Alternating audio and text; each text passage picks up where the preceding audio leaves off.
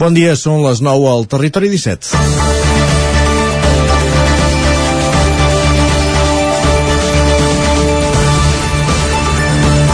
El preu de la llum a l'Estat marcarà un nou rècord històric aquest dijous. Per primera vegada, el preu mitjà de l'electricitat al mercat majorista superarà la barrera dels 300 euros per megawatt hora, situant-se en els 302,48 euros, segons les últimes dades de l'operador del mercat ibèric d'energia. L'import és un 3,7% més alt que el d'aquest dimecres, el dia que fins ara ostentava el rècord. En les hores de més demanda, l'electricitat es pagarà a 345 euros per megawatt hora, una xifra sense precedents i que supera àmpliament el pic de 320 euros registrat entre les 9 i les 10 de la nit de dimarts passat. De fet, en les franges horàries on es preu un menor consum, la llum es pagarà a més de 250 euros per megawatt hora.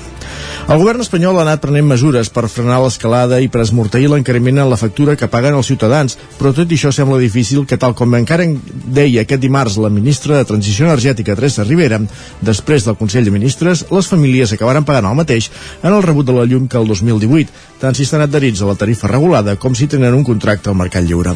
El govern central presentarà en els mesos vinents algunes noves mesures per evitar els, que els increments al mercat majorista repercuteixin més encara en el que paguen els ciutadans. Les raons que expliquen les pujades dels últims mesos són diverses, però un dels motius principals de l'escalada de preus arreu d'Europa és l'augment del cost del gas, que el vell continent prové principalment de Rússia. A Espanya, un problema com aquest s'accentua pels problemes d'interconnexió amb la resta del continent i, mentrestant, ens trobem que els dies de més demanda, com ara que fa fred, el cost de la llum sigui prohibitiu per a moltes famílies. Comença el Territori 17 a la sintonia de Ràdio Cardedeu, Ona Codinenca, la veu de Sant Joan, Ràdio Vic, el 9 FM i el 9 TV. Territori 17, amb Isaac Moreno i Jordi Sunyer.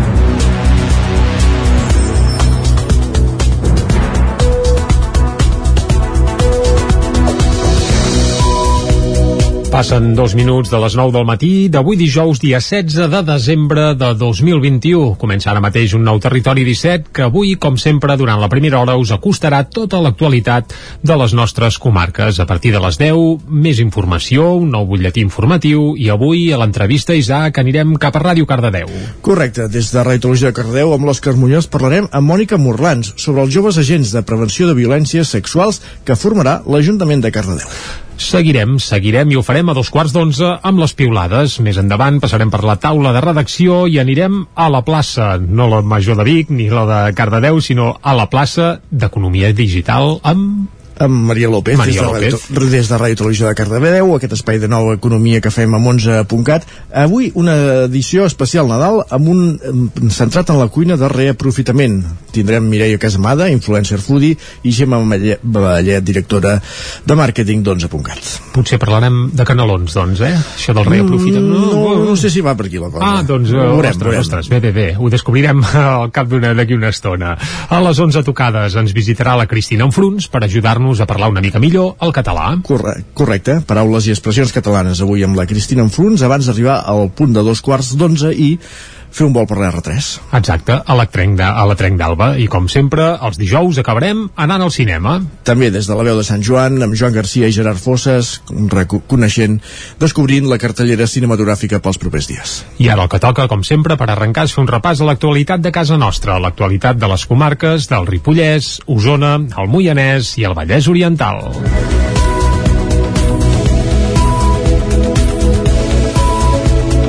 Tal com avançàvem ahir, aquest dimecres començava l'Audiència Provincial de Barcelona el judici contra el jove de Callatenes, Roger Aguayo. Roger Aguayo arribava ahir al matí a l'Audiència de Barcelona on se'l jutja per presumptes delictes d'atemptat contra l'autoritat, desordres públics i lesions lleus en el tall de la C-17 i la C-25 a Gurb el 21 de febrer de 2019. En la primera jornada del judici, que va començar amb mitja hora de retard, van declarar com a testimonis quatre agents dels Mossos d'Esquadra, entre els quals els dos policies que suposadament haurien estat agredits per Aguayo, després que la policia demanés als manifestants que desallotgessin la carretera. Els Mossos asseguraven ahir que el jove de Call d'Atenes es va canviar de roba abans de ser detingut. Escoltem les declaracions durant el judici dels agents 17.028 i 17.865. Esta primera intervención eh, se les consigue apartar un poquito. Seguidamente la actitud de, de los manifestantes era muy agresiva contra nosotros. Y llegamos a un punto que el, el señor Aguayo me lanza un puñetazo cuando lo teníamos para sacarlo, que nosotros tiramos para nosotros y la masa tiraba para ellos. Y en este momento fui cuando yo me recibí las dos patadas. Estuve de baja unos días y tuve un golpe aquí en la, en la muñeca, aquí, con un bulto esto. Vostè va veure el moment en què es canviava de jaqueta? Que es canviava, sí. Va veure quan es canviava Sí. de jaqueta? Sí. Sí? Uh, D'on va treure la jaqueta? D'un altre company que tenia allà. Un altre company li va donar? Sí. A l'exterior de l'audiència s'hi van aplegar un centenar d'amics de Roger Aguayo, integrants del grup de suport Pigot Negre, d'Alerta Solidària i representants polítics també de grups com Esquerra Republicana, la CUP o Junts per Catalunya, amb l'exconseller de Presidència Jordi Turull, que demanen tots plegats la seva absolució. També hi era el represaliat Xevi Boigues. Avui dijous repetiran la concentració. Escoltem a Nil Cardona, del grup de suport Pigot Negre. Creiem que és absolutament inexplicable, bueno, és explicable davant d'un estat demofòbic, un estat hereu del franquisme i mm, entenem que davant d'aquesta situació que viu l'estat espanyol i de l'ocupació de l'estat espanyol i francès als països catalans, doncs venen condemnes per manifestar-se i per intentar trobar una sortida política al, al problema i al conflicte del poble català envers aquests estats i entenem que només podem demanar-ne l'absolució i que, que esperem que així sigui. Els testimonis de la defensa i el mateix Roger Aguayo declararan avui mateix a partir de les 10 del matí, en la segona jornada d'un judici que possiblement s'allargui encara fins demà divendres. Els advocats privats dels Mossos d'Esquadra demanen una pena de 4 anys de presó i 10.000 euros de multa i una indemnització. La Fiscalia demana, en canvi, un any de presó i indemnitzacions per valor de 3.000 euros. Més qüestions els comerciants dels barris del Remei i l'estadi de Vic retolen els seus establiments i atenen principalment els seus clients en català. Si no ho fan d'entrada, prop d'un 40% poden adaptar-s'hi un cop comença la conversa. És una de les conclusions del Pla Llengua i Comerç que s'està desplegant a Vic fins al 2023. La Rajbir Kaur fa 10 anys que viu a Vic i en fa dos que regenta un establiment comercial d'alimentació i altres productes al centre de la ciutat. L'horari d'obertura del negoci li impedeix formar-se, per exemple, en llengua catalana en algun dels cursos que organitza el Consorci de Normalització Lingüística d'Osona. Però l'interès per aprendre català li ha permès participar de la prova pilot del projecte Comerços Aprenents, un conjunt de 10 sessions en un trimestre de 15 minuts cadascuna, on una responsable del Consorci es desplaça a l'establiment per ensenyar la llengua mica en mica als qui la volen conèixer per atendre així els seus clients. Escoltem per aquest ordre a Rajbir Kaur i a Judit Vidal, dinamitzadora del voluntariat lingüístic. Tinc un base, però també volia eh, aprendre més, més paraules, com que algunes coses que no sabia, sabia i volia aprendre un, una mica més. Un dia treballem, va, doncs les quantitats, eh, vols alguna cosa més, en vull un quilo, doncs un manat, eh, tot aquest vocabulari, un altre dia treballes el vocabulari referent a les fruites, tot, les verdures, eh, el vocabulari per, per, per poder-lo ajudar, si vol una bossa, si vols qui és ara, val? i llavors es distribueix de manera molt clara. La tasca de facilitar l'aprenentatge del català a comerciants que ho tinguin complicat per formar-se per la via dels cursos és un dels objectius que es proposa Vic pel 2022, que ampliarà el projecte Comerços Aprenents als dos establiments d'origen penjabi actuals a molts més. Segons el Consorci per la Normalització Lingüística i l'Ajuntament Bigatà és molt important afavorir que els catalanoparlants parlin català a totes les botigues, independentment de l'origen de les persones que la regenten.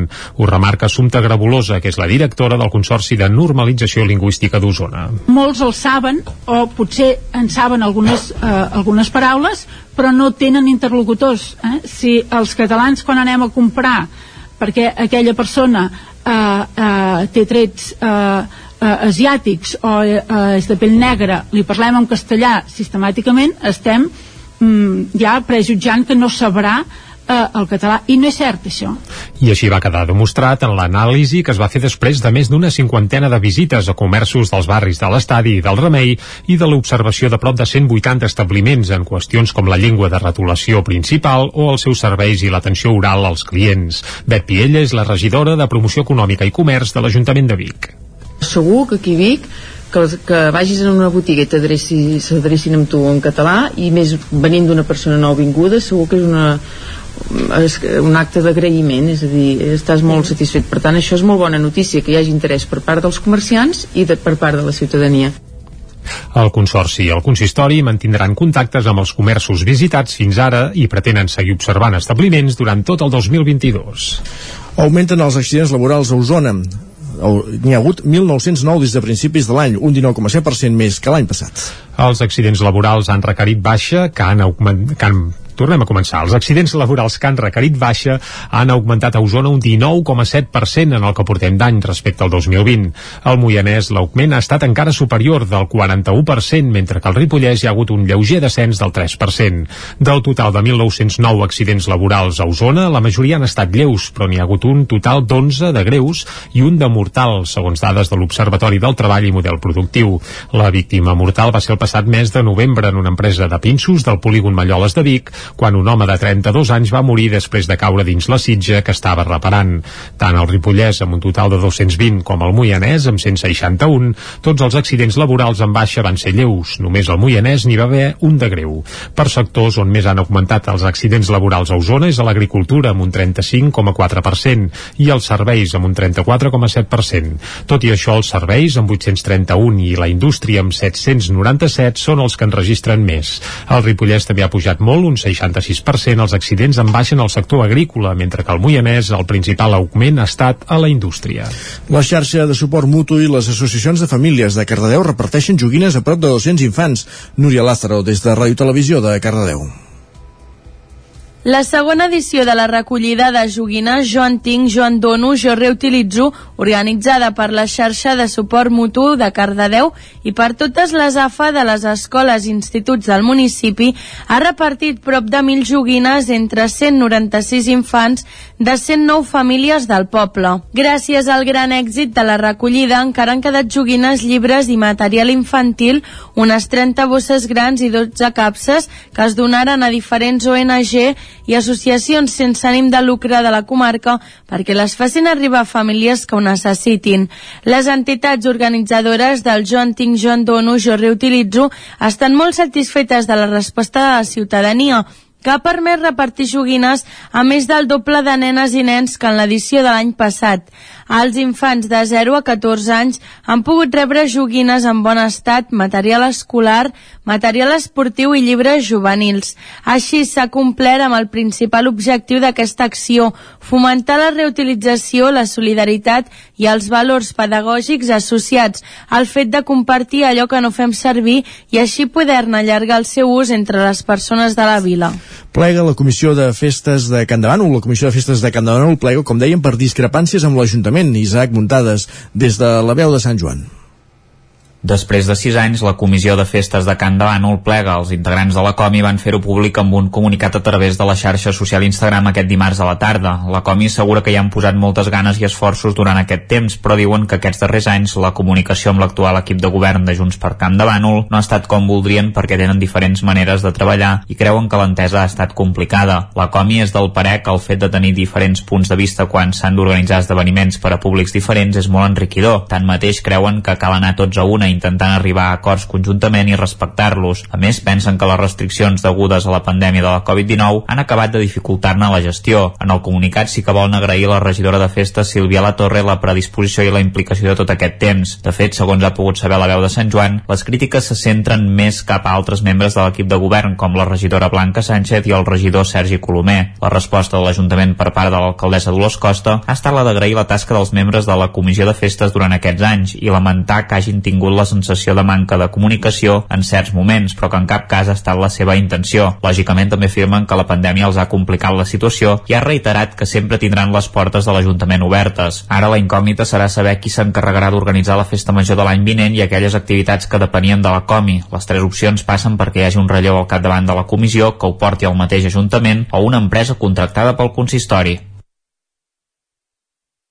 Retorns és el títol del muntatge que dissabte es va estrenar al Museu de la Torneria de Torelló, un espectacle amb música, teatre, poesia i dansa creat per Pep Tines i Caco Prat i interpretat pel músic Santi Carcassona i els ballarins Nàdia Pessarrodona i Oriol Roca.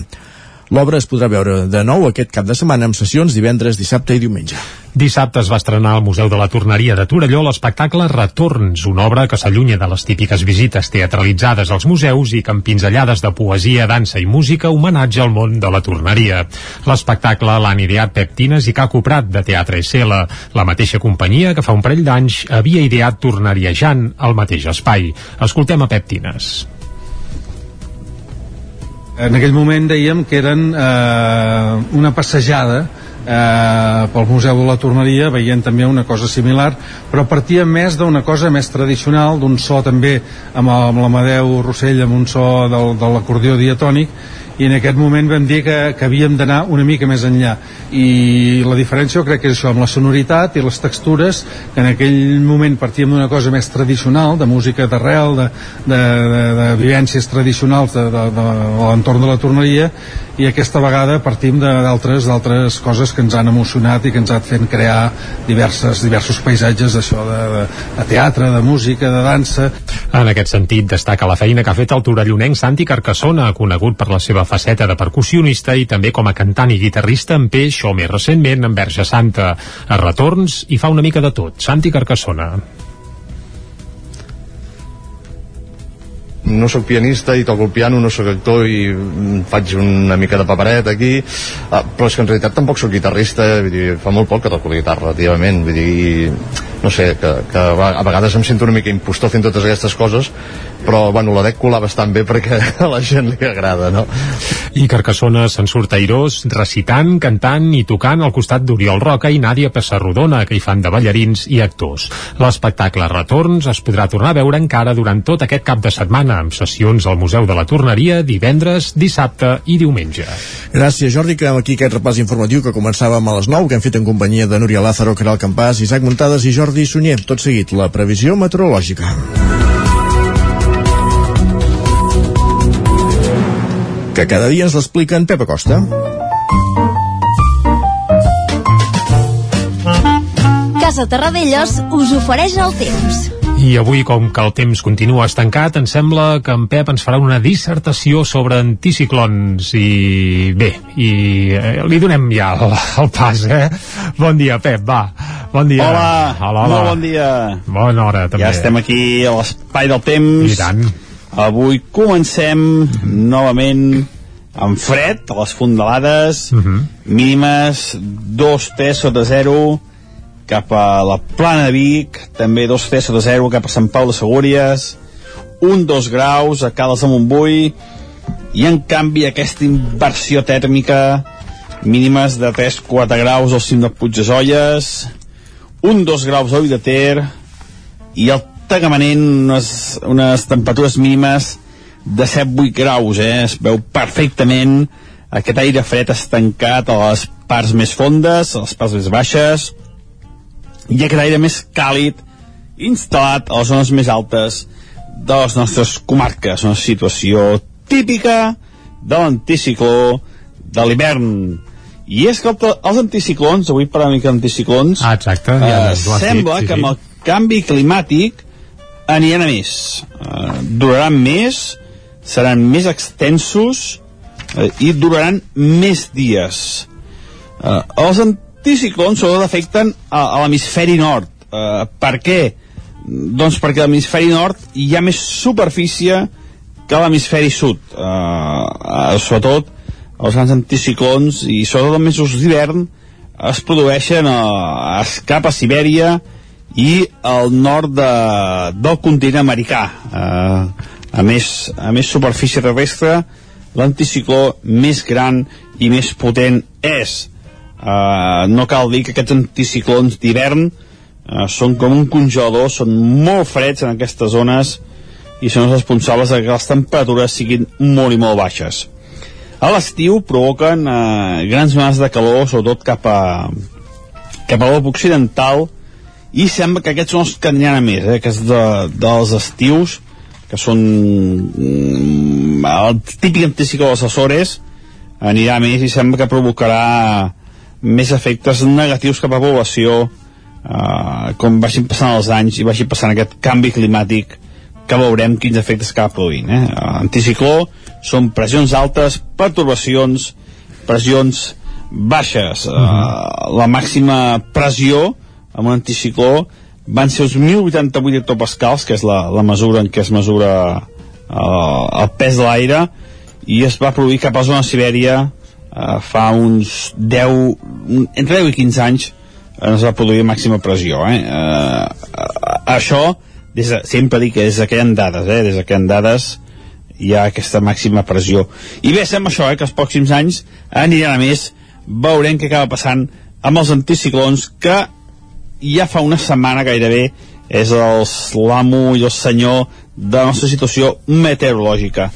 Avui hi ha una mica de novetat, hi ha una mica d'entrada de vent de llevant, molt poca cosa, gaire imperceptible, no, no la notarem, eh, però sí que una mica prelitoral es pot formar un núvol més, molt poca cosa.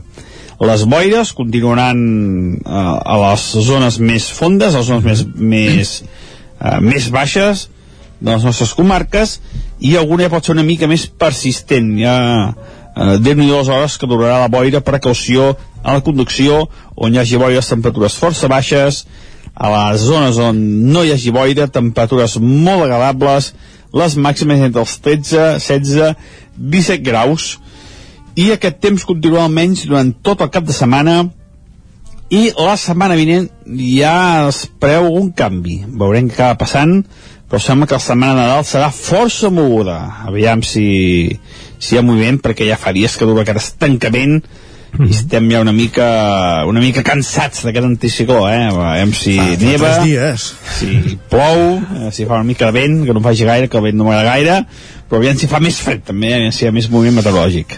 Moltes gràcies, adéu, bon dia. Fa la previsió la carta aquest, eh? Uh, bé, bé, el que passa que avui ens ha dit una novetat, eh? Sembla que té els dies comptats aquest mega anticicló, que avui n'hem conegut més coses dels anticiclons, gràcies a en Pep Acosta. Bé, estarem al cas del que ens vagi avançant, i de cara a Nadal, aviam si, si apareix la neu, per exemple, seria ja. divertit, eh? Anem bé. al quiosc. Anem al quiosc, vinga. Casa Tarradellas us ha ofert aquest espai. Anem a conèixer què diuen les portades del dia.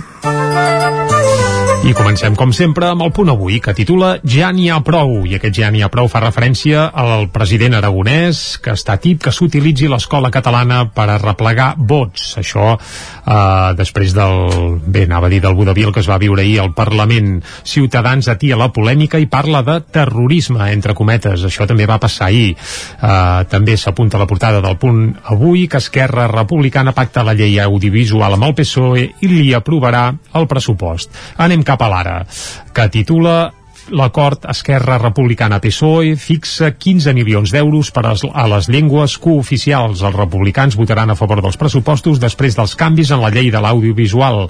Clar, mm, votaran els pressupostos amb, per aquests 15 milions, però ja no et parlo dels milions eh, que també hi ha, per exemple, per l'exèrcit o per la monarquia.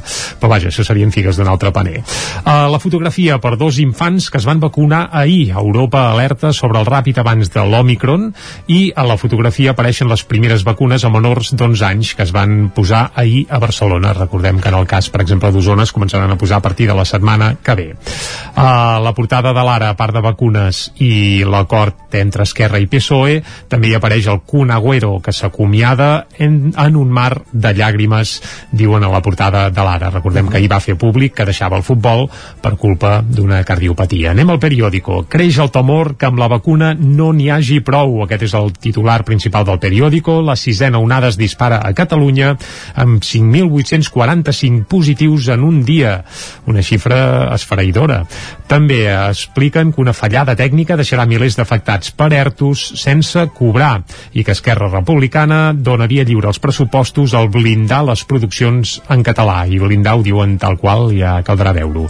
Anem a l'avantguàrdia. Va, els experts de la Unió Europea demanen dures restriccions per frenar l'Omicron. Aquest és el titular principal. La fotografia també per eh, tres infants menors d'11 anys que ahir es van vacunar a Barcelona i també apareix eh, la pròrroga fins a l'abril de la rebaixa fiscal en la factura de la llum. Com bé has dit a l'hora d'arrencar el programa, l'editorial, el preu de la llum està desbocat i el govern espanyol ha decidit que la rebaixa fiscal que havia d'imposar fins ara a finals d'any s'allargarà fins a l'abril.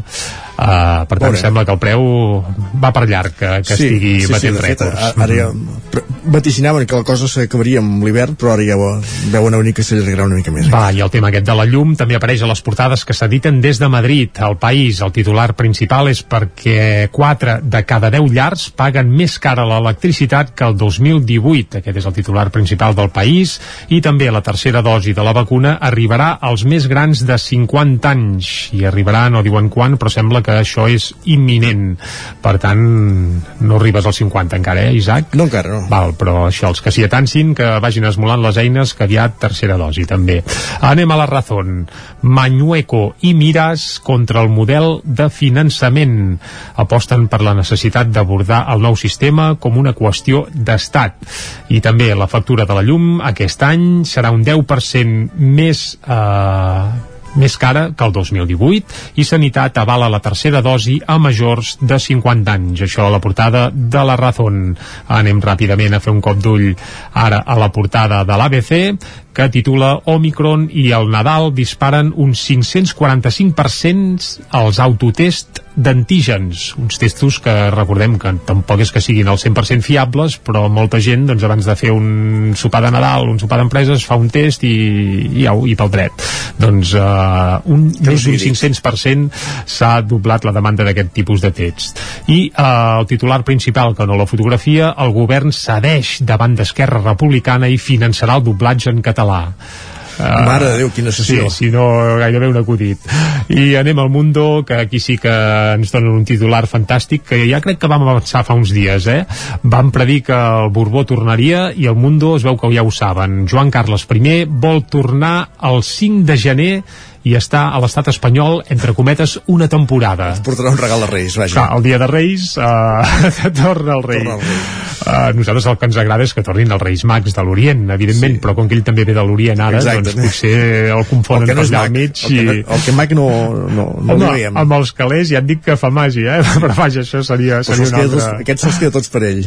Va, uh, i un altre titular a la portada del Mundo, Sánchez recula i demanarà a la Unió Europea 70.000 milions més en crèdits i a part Espanya s'acosta al risc alt per Covid a pocs dies del Nadal. Aquestes són les principals portades i titulars d'avui. Perfecte, arribats a aquest punt fem una petita pausa, però de tot ràpidament. Tornem en 3 minuts, no marxeu. Fins ara mateix.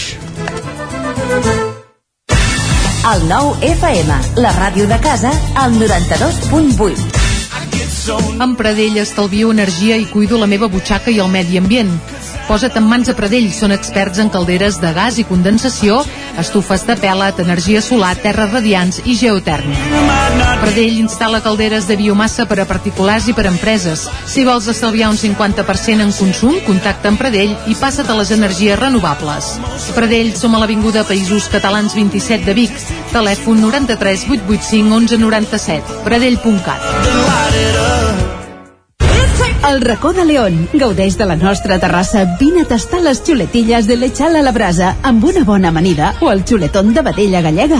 No et pots perdre el nostre lechado de Castilla al forn o el cochinillo a l'estil de Segovia. Tot acompanyat del millor celler, al menjador o fora la terrassa. Descobreix la millor cuina de Lleó sense moure't de casa. Vine amb la família, els amics, la parella o sol. T'encantarà.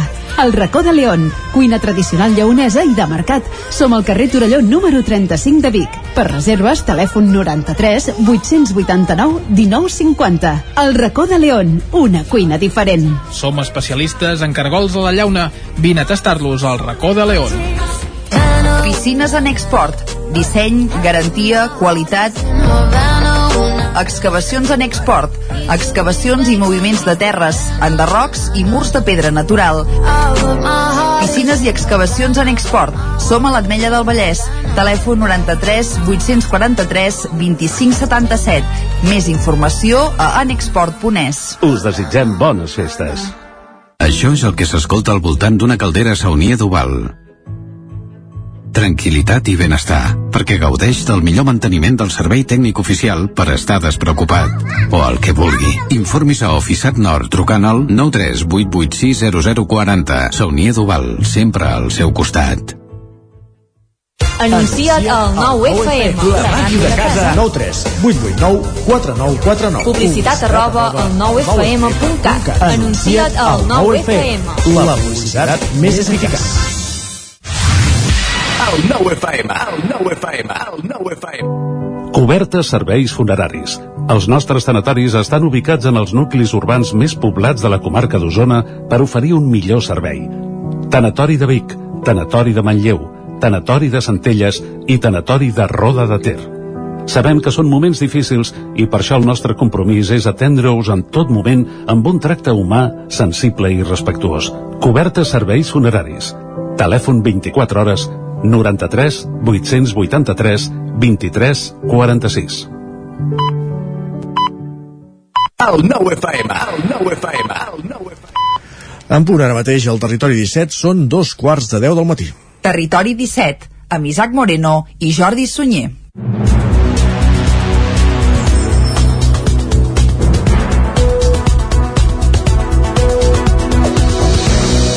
I a dos quarts de deu d'avui dijous, dia 16 de desembre de 2021, el que toca de seguida és acostar-vos altra vegada la informació de les nostres comarques, però abans ja us avancem una mica el menú que tindrem fins al pic de les 12 del migdia. Abans de les 10 hi posarem una mica de música i avui anirem d'estrenes mundials, perquè escoltarem el més nou d'X i Grega. Els coneixes, Mm, Isaac? tant, sí.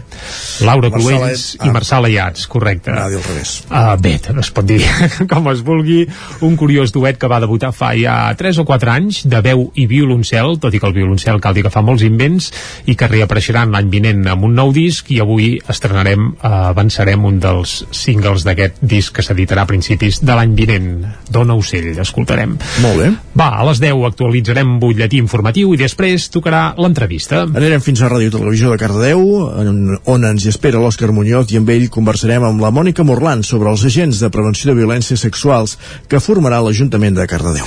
A l'equador del territori 17, a dos quarts d'onze arribarà el moment de les piulades amb Guillem Sánchez, anirem a la taula de redacció i després saludarem la Maria López, oi? Correcte, amb l'espai de nova economia de cada dijous, conjuntament amb 11.cat des de Ràdio Televisió de Cardedeu, i avui especial Nadal, dedicat a la cuina de reaprofitament. Això està bé. I com que ja serà hora d'anar esmolant les eines pel dinar, segur que ens entrarà gana i tot, potser. Va, a les 11 més notícies i després rebrem la visita de la Cristina Enfruns. Correcte, com cada setmana coneguent paraules i expressions catalanes. I vinga, per acabar, els dijous el que fem és anar al cinema. Haurem pujat primer el tren, però després tots cap al cinema, no? Exacte, amb en Gerard Fosses i en Joan Garcia des de la veu de Sant Joan coneixerem la cartellera del cap de setmana. I ara el que toca, com bé hem dit abans, és acostar-vos de nou l'actualitat de casa nostra, l'actualitat de les comarques del Vallès Oriental, el Moianès, Osona i el Ripollès.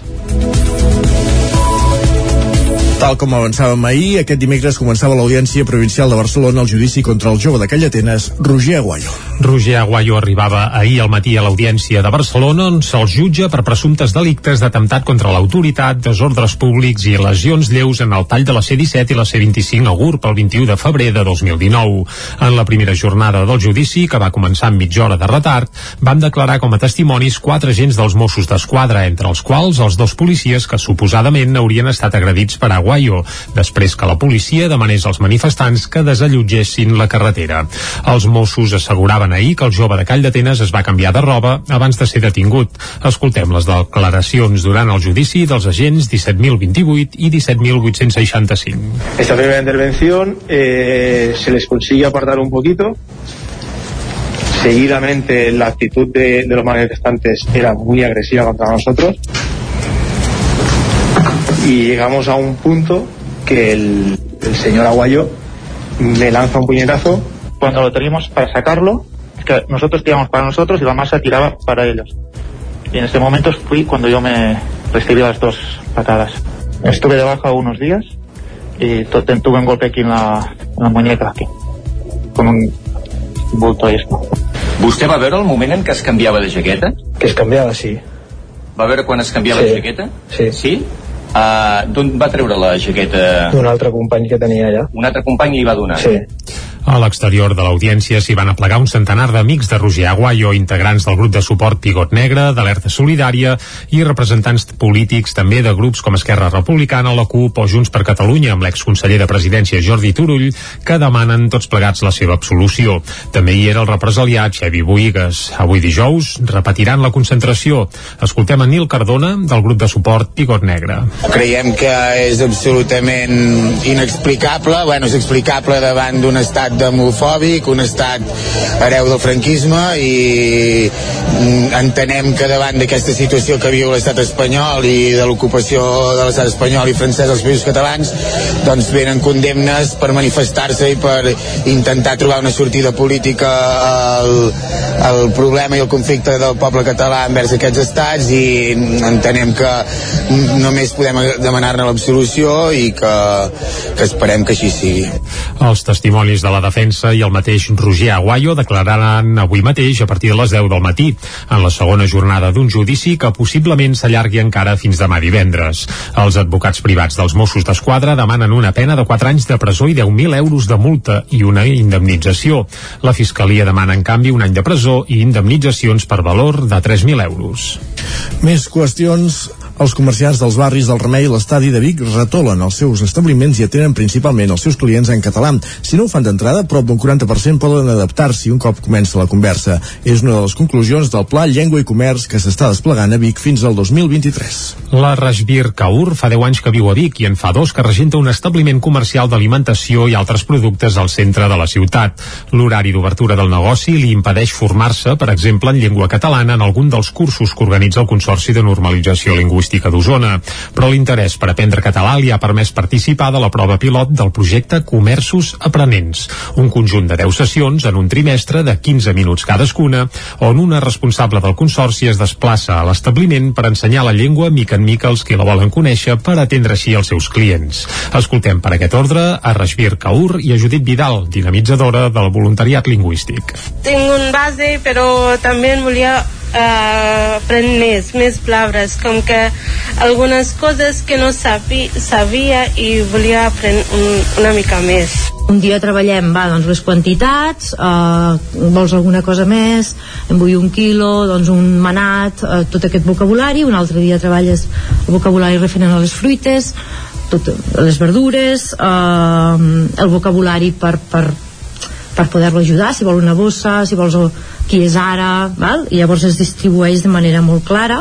La tasca de facilitar l'aprenentatge del català a comerciants que ho tinguin complicat per formar-se per la via dels cursos és un dels objectius que es proposa Vic pel 2022, que ampliarà el projecte Comerços Aprenents als dos establiments d'origen penjabi actuals a molts més. Segons el Consorci per la Normalització Lingüística i l'Ajuntament Bigatà és molt important afavorir que els catalanoparlants parlin català a totes les botigues, independentment de l'origen de les persones que la regenten Osona. Ho remarca Assumpta Grabolosa, que és la directora del Consorci de Normalització Lingüística d'Osona. Molts el saben, o potser en saben algunes, eh, algunes paraules, però no tenen interlocutors. Eh? Si els catalans, quan anem a comprar, perquè aquella persona eh, eh, té trets eh, eh, asiàtics o eh, és de pell negra, li parlem en castellà sistemàticament, estem mm, ja prejutjant que no sabrà eh, el català, i no és cert això. I així va quedar demostrat en l'anàlisi que es va fer després de més d'una cinquantena de visites a comerços dels barris de l'estadi i del Remei i de l'observació de prop de 180 establiments en qüestions com la llengua de retolació principal o els seus serveis i l'atenció oral als clients. Bet Piella és la regidora de Promoció Econòmica i Comerç de l'Ajuntament de Vic. Segur que aquí Vic que, que vagis en una botiga i s'adrecin amb tu en català i més venint d'una persona nouvinguda segur que és una és un acte d'agraïment és a dir, estàs molt satisfet. Per tant això és molt bona notícia que hi hagi interès per part dels comerciants i de, per part de la ciutadania el Consorci i el Consistori mantindran contactes amb els comerços visitats fins ara i pretenen seguir observant establiments durant tot el 2022. Augmenten els accidents laborals a Osona n'hi ha hagut 1.909 des de principis de l'any, un 19,7% més que l'any passat. Els accidents laborals han requerit baixa, que han, augment, que han Tornem a començar. Els accidents laborals que han requerit baixa han augmentat a Osona un 19,7% en el que portem d'any respecte al 2020. Al Moianès l'augment ha estat encara superior del 41%, mentre que al Ripollès hi ha hagut un lleuger descens del 3%. Del total de 1.909 accidents laborals a Osona, la majoria han estat lleus, però n'hi ha hagut un total d'11 de greus i un de mortal, segons dades de l'Observatori del Treball i Model Productiu. La víctima mortal va ser el passat mes de novembre en una empresa de pinços del polígon Malloles de Vic, quan un home de 32 anys va morir després de caure dins la sitja que estava reparant. Tant el Ripollès, amb un total de 220, com el Moianès, amb 161, tots els accidents laborals en baixa van ser lleus. Només al Moianès n'hi va haver un de greu. Per sectors on més han augmentat els accidents laborals a Osona és a l'agricultura, amb un 35,4%, i els serveis, amb un 34,7%. Tot i això, els serveis, amb 831, i la indústria, amb 797, són els que en registren més. El Ripollès també ha pujat molt, un 66%, els accidents en baixen al sector agrícola, mentre que al Moianès el principal augment ha estat a la indústria. La xarxa de suport mutu i les associacions de famílies de Cardedeu reparteixen joguines a prop de 200 infants. Núria Lázaro, des de Ràdio Televisió de Cardedeu. La segona edició de la recollida de joguines Jo en tinc, jo en dono, jo reutilitzo, organitzada per la xarxa de suport mutu de Cardedeu i per totes les AFA de les escoles i instituts del municipi, ha repartit prop de 1.000 joguines entre 196 infants de 109 famílies del poble. Gràcies al gran èxit de la recollida encara han quedat joguines, llibres i material infantil, unes 30 bosses grans i 12 capses que es donaren a diferents ONG i associacions sense ànim de lucre de la comarca perquè les facin arribar a famílies que ho necessitin. Les entitats organitzadores del Jo en tinc, jo en dono, jo reutilitzo estan molt satisfetes de la resposta de la ciutadania que ha permès repartir joguines a més del doble de nenes i nens que en l'edició de l'any passat. Els infants de 0 a 14 anys han pogut rebre joguines en bon estat, material escolar, material esportiu i llibres juvenils. Així s'ha complert amb el principal objectiu d'aquesta acció, fomentar la reutilització, la solidaritat i els valors pedagògics associats al fet de compartir allò que no fem servir i així poder-ne allargar el seu ús entre les persones de la vila. Plega la Comissió de Festes de Can Davant, la Comissió de Festes de Can Davant plega, com dèiem, per discrepàncies amb l'Ajuntament. Isaac Muntades, des de la veu de Sant Joan. Després de sis anys, la Comissió de Festes de Can Bànol plega. Els integrants de la COMI van fer-ho públic amb un comunicat a través de la xarxa social Instagram aquest dimarts a la tarda. La COMI assegura que hi han posat moltes ganes i esforços durant aquest temps, però diuen que aquests darrers anys la comunicació amb l'actual equip de govern de Junts per Can Bànol no ha estat com voldrien perquè tenen diferents maneres de treballar i creuen que l'entesa ha estat complicada. La COMI és del parer que el fet de tenir diferents punts de vista quan s'han d'organitzar esdeveniments per a públics diferents és molt enriquidor. Tanmateix creuen que cal anar tots a una intentant arribar a acords conjuntament i respectar-los. A més, pensen que les restriccions degudes a la pandèmia de la Covid-19 han acabat de dificultar-ne la gestió. En el comunicat sí que volen agrair a la regidora de festes Sílvia La Torre la predisposició i la implicació de tot aquest temps. De fet, segons ha pogut saber la veu de Sant Joan, les crítiques se centren més cap a altres membres de l'equip de govern, com la regidora Blanca Sánchez i el regidor Sergi Colomer. La resposta de l'Ajuntament per part de l'alcaldessa Dolors Costa ha estat la d'agrair la tasca dels membres de la comissió de festes durant aquests anys i lamentar que hagin tingut la sensació de manca de comunicació en certs moments, però que en cap cas ha estat la seva intenció. Lògicament també afirmen que la pandèmia els ha complicat la situació i ha reiterat que sempre tindran les portes de l'Ajuntament obertes. Ara la incògnita serà saber qui s'encarregarà d'organitzar la festa major de l'any vinent i aquelles activitats que depenien de la COMI. Les tres opcions passen perquè hi hagi un relleu al capdavant de la comissió que ho porti al mateix Ajuntament o una empresa contractada pel consistori. Retorns és el títol del muntatge que dissabte es va estrenar al Museu de la Torneria de Torelló, un espectacle amb música, teatre, poesia i dansa creat per Pep Tines i Caco Prat i interpretat pel músic Santi Carcassona i els ballarins Nàdia Pessarrodona i Oriol Roca. L'obra es podrà veure de nou aquest cap de setmana amb sessions divendres, dissabte i diumenge. Dissabte es va estrenar al Museu de la Torneria de Torelló l'espectacle Retorns, una obra que s'allunya de les típiques visites teatralitzades als museus i que amb pinzellades de poesia, dansa i música homenatge al món de la torneria. L'espectacle l'han ideat Pep Tines i Caco Prat de Teatre SL, la mateixa companyia que fa un parell d'anys havia ideat Tornariejant al mateix espai. Escoltem a Pep Tines. En aquell moment dèiem que eren eh, una passejada eh, pel Museu de la Torneria veient també una cosa similar però partia més d'una cosa més tradicional d'un so també amb, amb l'Amadeu Rossell amb un so del, de l'acordió diatònic i en aquest moment vam dir que, que havíem d'anar una mica més enllà. I la diferència jo crec que és això amb la sonoritat i les textures que en aquell moment partíem d'una cosa més tradicional de música d'arrel de, de, de, de vivències tradicionals de, de, de, de l'entorn de la torneria i aquesta vegada partim d'altres d'altres coses que ens han emocionat i que ens han fet crear diverses, diversos paisatges d'això de, de, de teatre, de música, de dansa.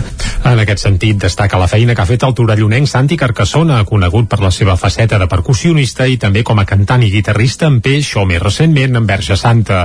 A retorns hi fa una mica de tot. Santi Carcassona. No sóc pianista i toco el piano, no sóc actor i mm, faig una mica de paperet aquí, ah, però és que en realitat tampoc sóc guitarrista, vull dir, fa molt poc que toco la guitarra relativament, vull dir, no sé, que, que a vegades em sento una mica impostor fent totes aquestes coses, però bueno, la dec colar bastant bé perquè a la gent li agrada, no? I Carcassona se'n surt airós, recitant, cantant i tocant al costat d'Oriol Roca i Nàdia Pessarrodona, que hi fan de ballarins i actors. L'espectacle Retorns es podrà tornar a veure encara durant tot aquest cap de setmana, amb sessions al Museu de la Torneria divendres, dissabte i diumenge. Gràcies, Jordi, que aquí aquest repàs informatiu que començàvem a les 9, que hem fet en companyia de Núria Lázaro, Caral Campàs, Isaac Muntades i Jordi Sunyer. Tot seguit, la previsió meteorològica.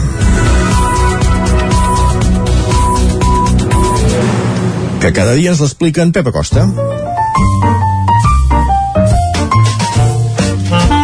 Casa Terradellos us ofereix el temps. I avui, com que el temps continua estancat, em sembla que en Pep ens farà una dissertació sobre anticiclons i bé, i eh, li donem ja el, el pas, eh? Bon dia, Pep, va. Bon dia. Hola, hola, hola. molt bon dia. Bona hora, també. Ja estem aquí a l'espai del temps. I tant.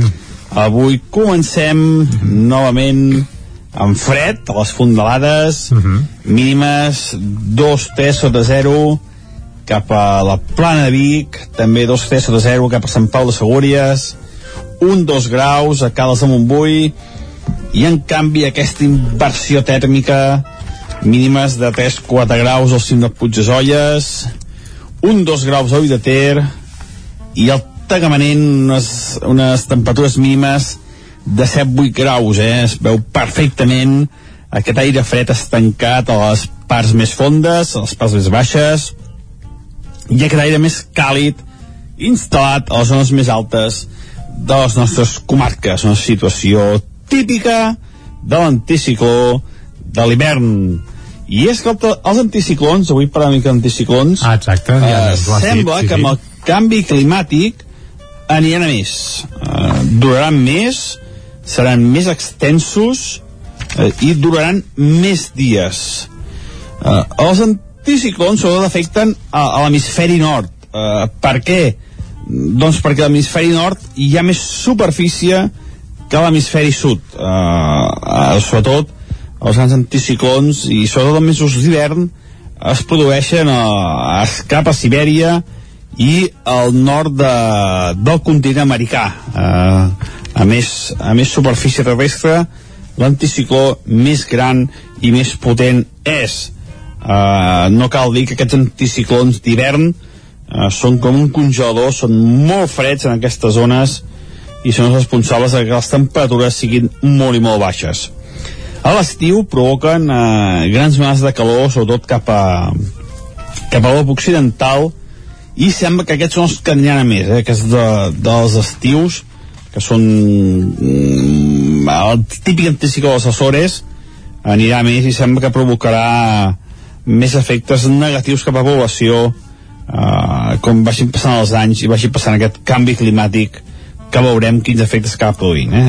anticicló són pressions altes pertorbacions pressions baixes -huh. la màxima pressió amb un anticicló van ser uns 1.088 hectopascals, que és la, la mesura en què es mesura uh, el pes de l'aire, i es va produir cap a la zona de Sibèria uh, fa uns 10, entre 10 i 15 anys uh, es va produir màxima pressió. Eh? Uh, uh, això, des de, sempre dic que des de que hi ha dades, eh? des de que hi ha dades hi ha aquesta màxima pressió. I bé, sembla això, eh, que els pròxims anys aniran a més, veurem què acaba passant amb els anticiclons que ja fa una setmana gairebé és l'amo i el senyor de la nostra situació meteorològica. Avui hi ha una mica de novetat, hi ha una mica d'entrada de vent de llevant, molt poca cosa, gaire imperceptible, no, no la notarem, eh, però sí que una mica prelitoral es pot formar un núvol més, molt poca cosa.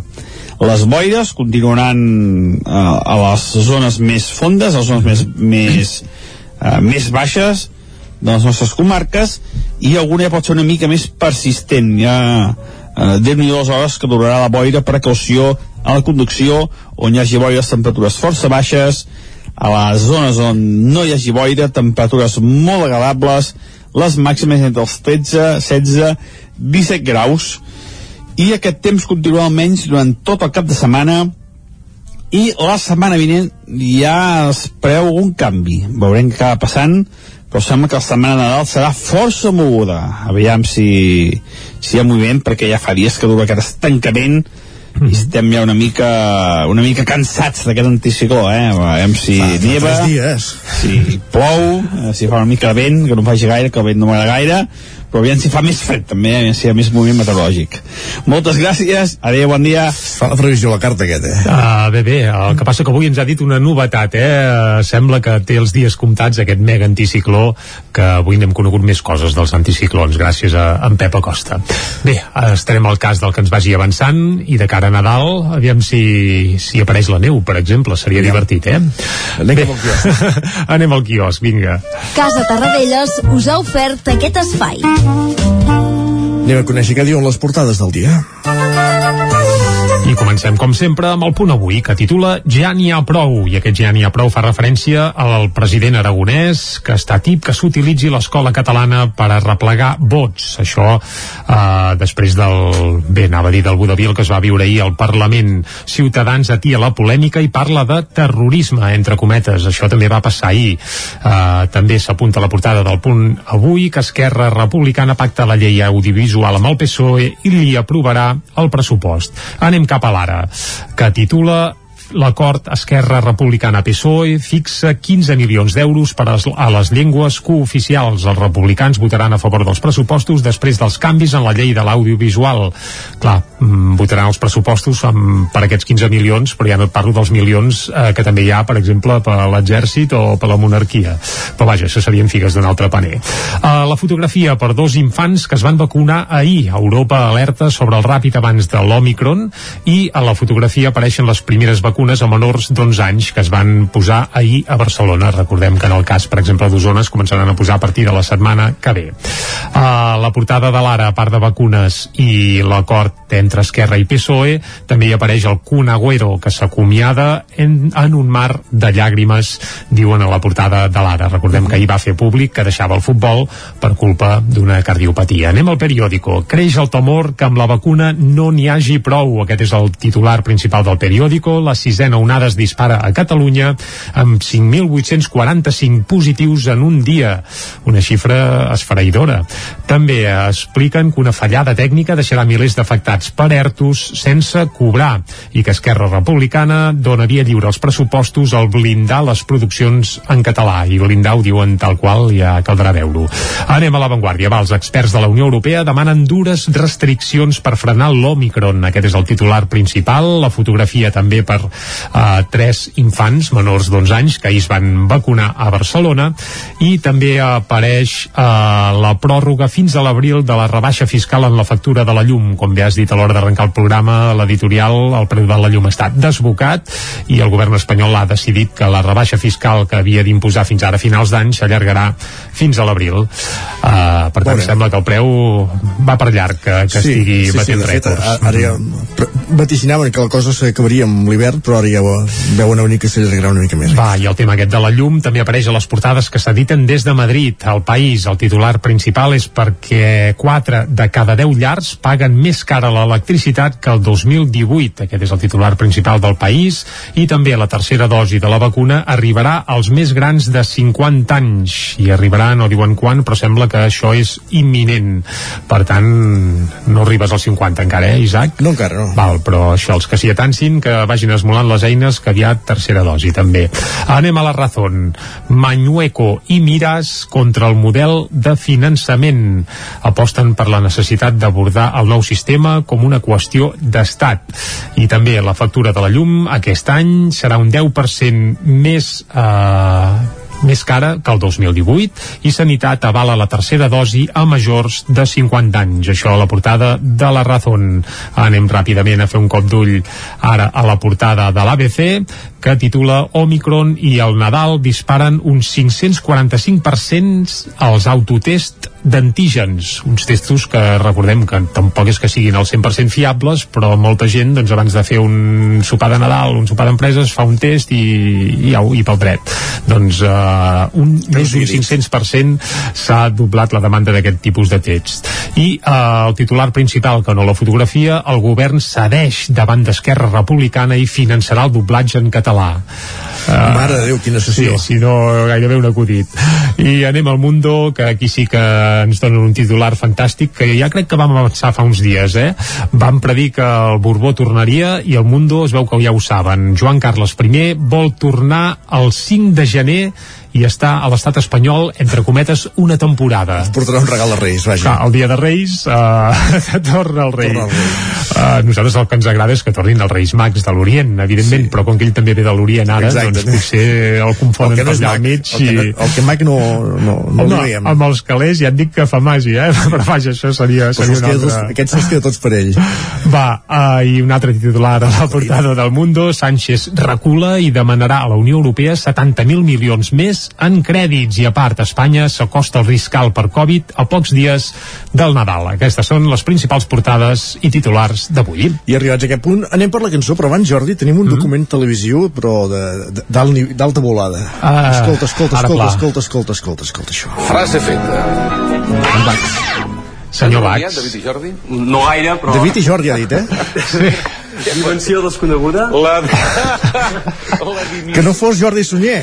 Doncs sí, ja et ben asseguro que era en Jordi Sunyer. Fa, fa molts anys d'això, eh? Sí, era el 1995 o 1996, ara no recordo... Vas anar de participant al... El, el Silencert Holandavino, Holandavino amb el senyor van, Bax. I ahir ho van recuperar l'està passant de TV3 i per això ara ens, en fe, ens ha fet gràcia recuperar doncs, el document. Bé, quina gràcia. Bé, I vaig anar amb el meu germà, que és qui va parlar de la dimensió desconeguda, eh? Jo estava allà amb cara de pòquer eh, a la meva a la època. dimensió desconeguda, bàsicament. Sí, correcte, correcte.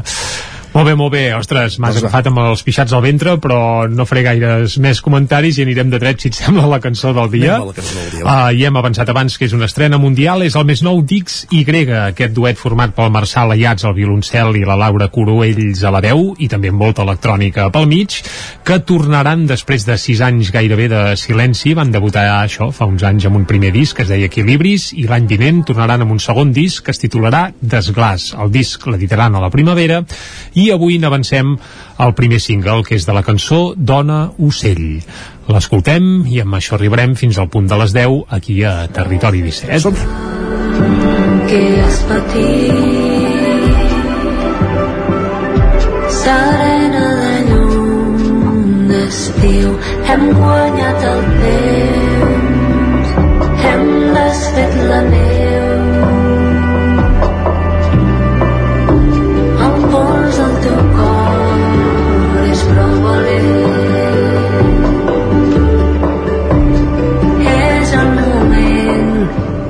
desplegues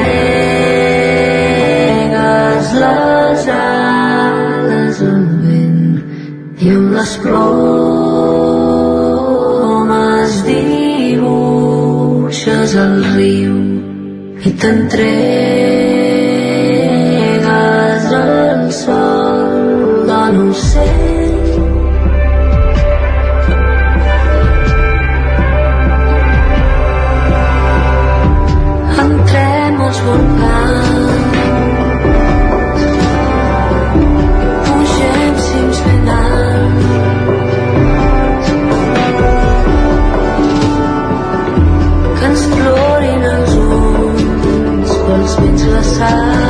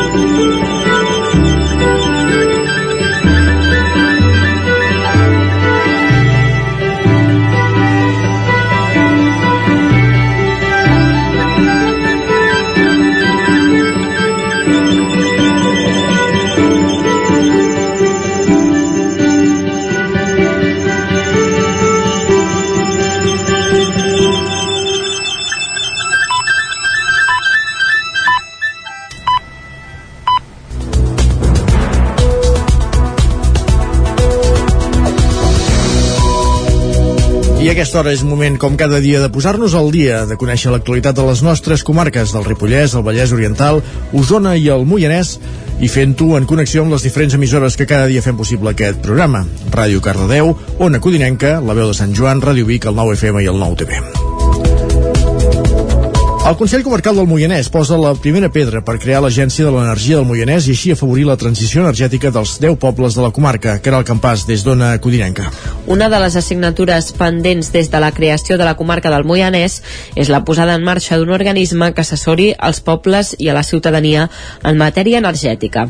Arran de la llei comarcal de Catalunya, aquest servei no pot ser ofert per agències de comarques veïnes i, per tant, en cal crear una a escala comarcal. Durant els últims mesos, amb el suport de la Diputació de Barcelona, s'han iniciat els tràmits per fer-la realitat.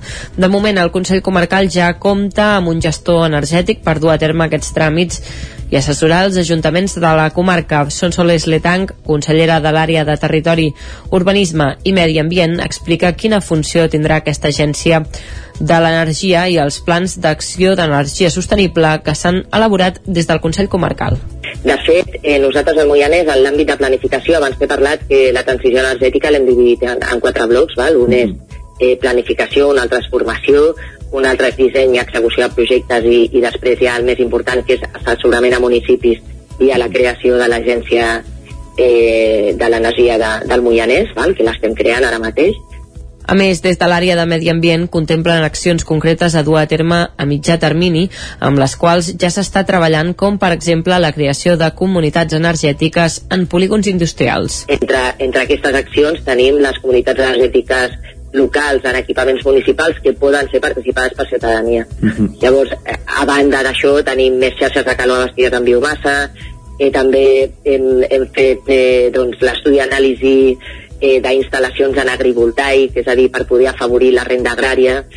eh, també hem incorporat ara recentment comunitats energètiques en polígons industrials, que això eh, properament redactarem eh, el, el, el projecte hi ha una cooperativa d'entitats eh, d'energia Durant el 2022, el procés de creació de l'Agència de l'Energia del Moianès continuarà i, de moment, un gestor energètic durà a terme les tasques d'assessorament als ajuntaments en matèria energètica.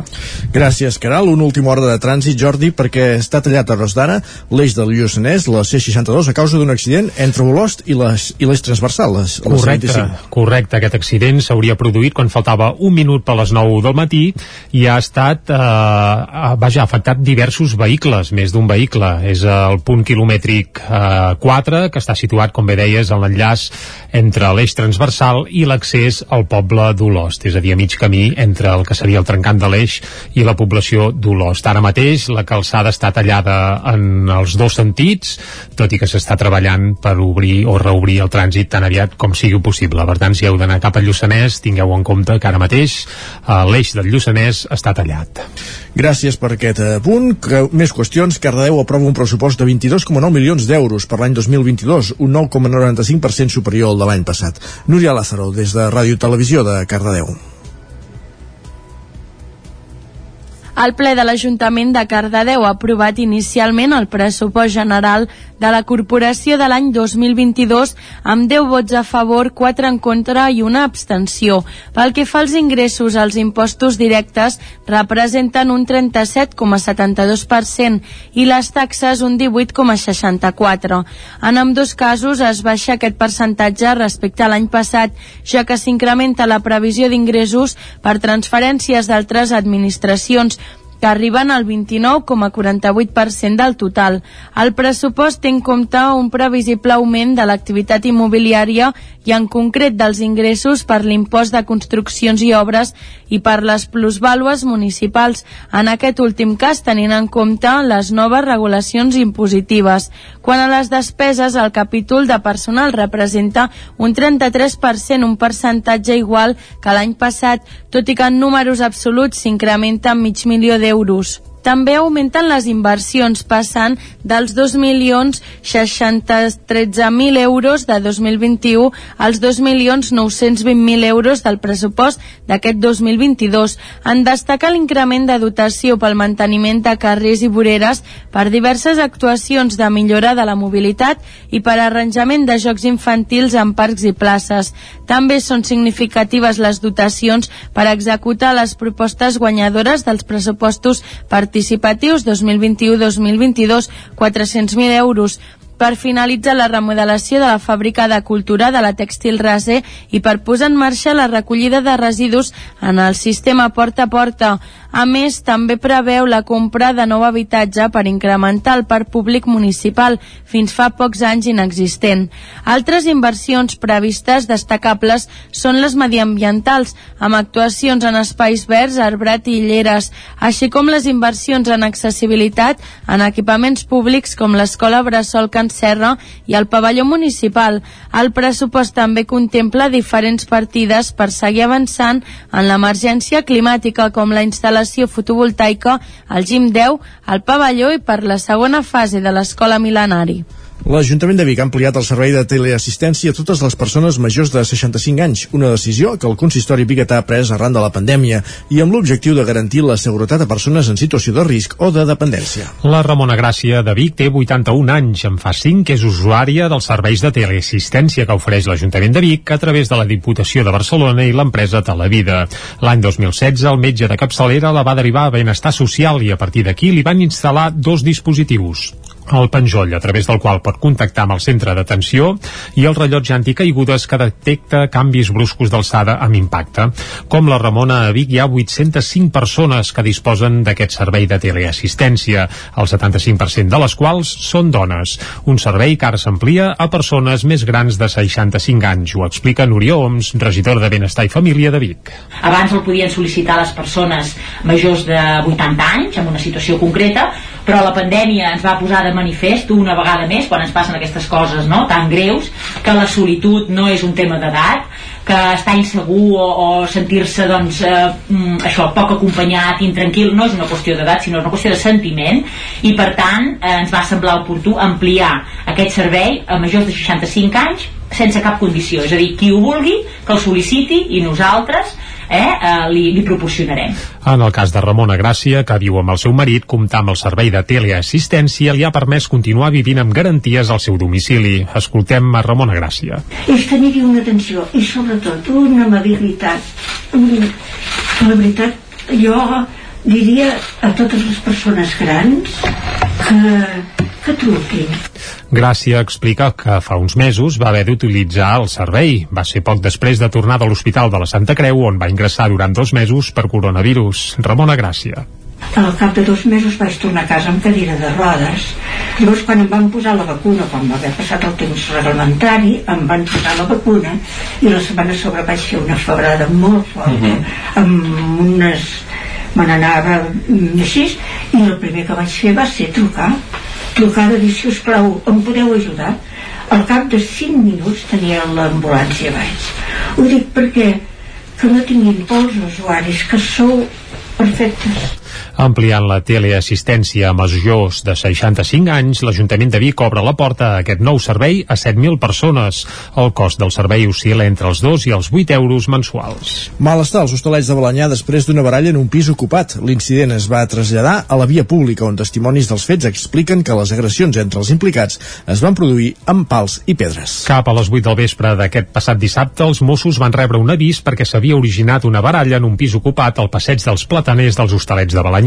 L'incident es va traslladar a la via pública on testimonis dels fets expliquen que les agressions entre, entre els implicats eren amb pals i pedres. Des de la policia catalana confirmen que hi van destinar diverses patrulles que quan van arribar van calmar els ànims amb el suport de la Guàrdia Municipal i que després d'i- d'identificar els implicats no van fer cap detenció. També apunten que hi va haver una persona ferida per un trau al cap i desperfectes en un vehicle. El pis on es va originar el conflicte fa temps que està ocupat i acumula queixes dels veïns perquè hi hi ha molta rotació de persones i algunes d'elles tenen comportaments poc cívics i problemes d'addiccions amb substàncies estupefaents. Des de l'Ajuntament, l'alcalde Carles Valls explica que tenen aquesta problemàtica detectada en 5 o 6 pisos del municipi i que fan tot el possible per solucionar-ho. El principal problema, segons Valls, és que aquests habitatges són propietat dels bancs i s'està a l'espera d'execucions judicials per fer fora els ocupes, això sí, execucions que no arriben mai. Pel que fa a la tasca que es pot fer des del municipi, als hostalets es manté actiu un dispositiu per tenir un control sobre els pisos buits i en cas que es detecti una ocupació il·legal s'avisa la policia perquè ho eviti abans que transcorrin 24 hores. L'Ajuntament té un registre dels pisos buits i cada dia la Guàrdia Municipal fa una ronda per detectar que no hi hagi hagut canvis. Quan es detecta una ocupació, Valls explica que es pot demostrar que fa menys de 24 hores que hi són i per tant se'ls pot obligar a marxar. El biguetà Pep Novelles, vinculat des de fa anys a l'OAR Vic, ha impulsat l'associació Gambeta. El projecte neix amb, neix amb l'objectiu de promoure la integració social d'infants i joves de Colòmbia i Osona i de lluitar contra la desescolarització. Lluitar contra la desescolarització d'infants i joves a través del futbol. Aquest és l'objectiu de l'associació Gambeta, un projecte que lidera el biguetà Pep Novelles i que promou la integració social de joves de Colòmbia i d'Osona a través de l'esport. El projecte es va dissenyar quan Novelles, vinculat a l'OAR Vic des de fa 11 anys, va haver de presentar un treball final d'un màster d'administració i direcció d'empreses sobre la creació d'una ONG, un projecte que s'inspira en el model d'escola de futbol no competitiu de l'OAR Vic i que a partir del mes de gener serà una realitat a Osona. D'entrada hi participaran una quinzena d'infants. Escoltem a Pep Novelles.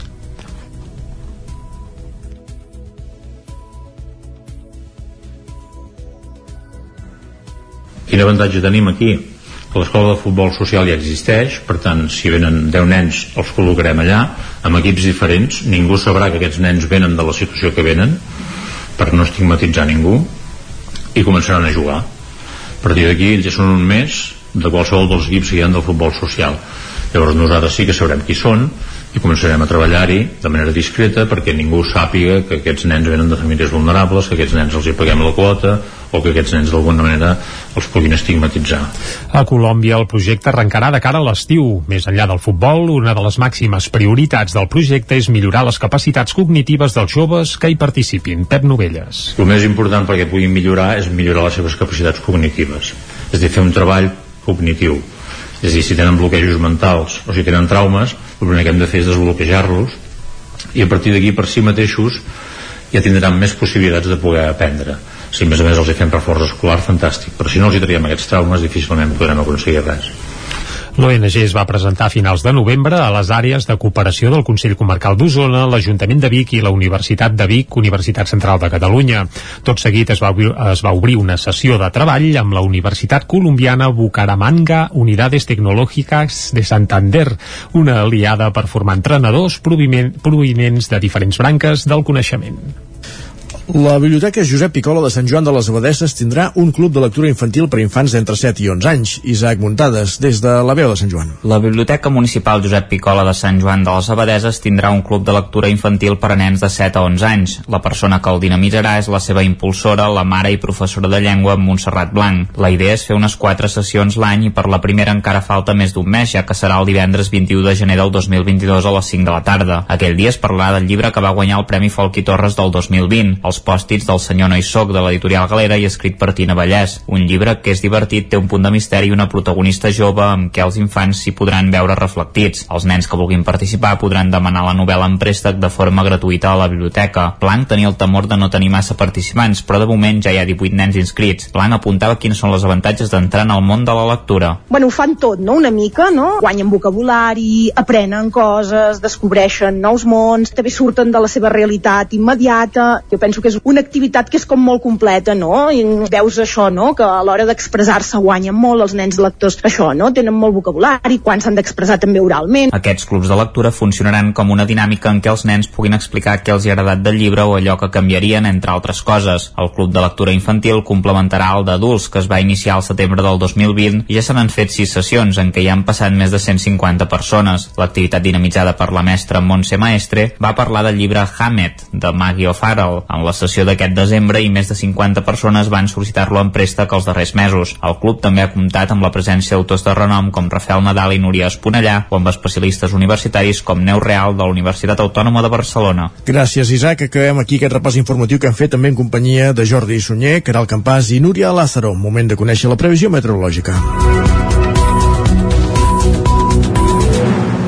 I per això ens espera com cada dia en Pep Acosta.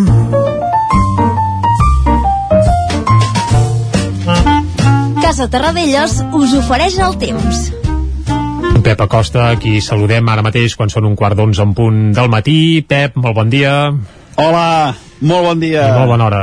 Avui hi ha una mica de novetat, hi ha una mica d'entrada de vent de llevant, molt poca cosa, gaire imperceptible, no, no la notarem, uh, però sí que una mica prelitoral es pot formar un núvol més, molt poca cosa.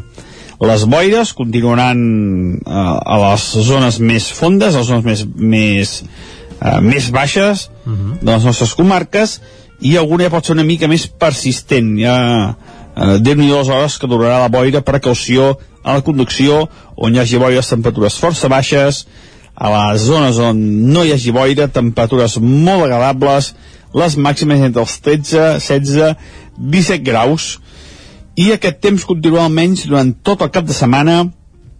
I la setmana vinent ja es preveu algun canvi. Veurem què acaba passant però sembla que la setmana Nadal serà força moguda. Aviam si, si hi ha moviment perquè ja fa dies que dura aquest estancament i estem ja una mica una mica cansats d'aquest anticicló Se't nota, eh? se't nota, si sí, sí. neva Aviam, aviam. si plou, eh, si fa una mica de vent que no faci gaire, que el vent no m'agrada gaire però aviam si fa més fred també aviam si hi ha més moviment meteorològic moltes gràcies i fins demà adeu, bon dia Vinga, bon Pep, moltes gràcies a tu i ens quedem amb l'esperança aquesta de possibles canvis eh, de cara a la setmana que ve, de cara a Veurem. Nadal, eh? Estarem a l'expectativa. I tant que sí, i aquí Territori 17, com que Pep Acosta el tenim cap dia, cada dia no hi ha pas perill que se'ns escapi cap pertorbació. Perfecte. Va, anem, Anem cap a l'entrevista. anem-hi, vinga. Casa Terradellos us ha ofert aquest espai. Territori 17. Envia'ns les teves notes de veu per WhatsApp al 646 079 023. 646 079 023. WhatsApp Territori 17.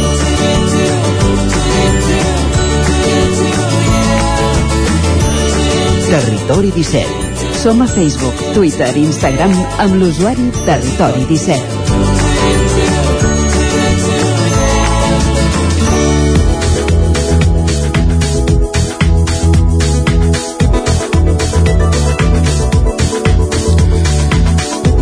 Dos minuts i mig són els que passen d'un quart d'onze. L'Ajuntament de Cardedeu, a través del casal de joves La Paqui, posa en marxa el projecte JAPS, consistent en la formació de joves agents de prevenció de violències sexuals en contextos d'oci. En té més detalls des de Ràdio Televisió de Cardedeu, l'Òscar Muñoz. Bon dia, Òscar.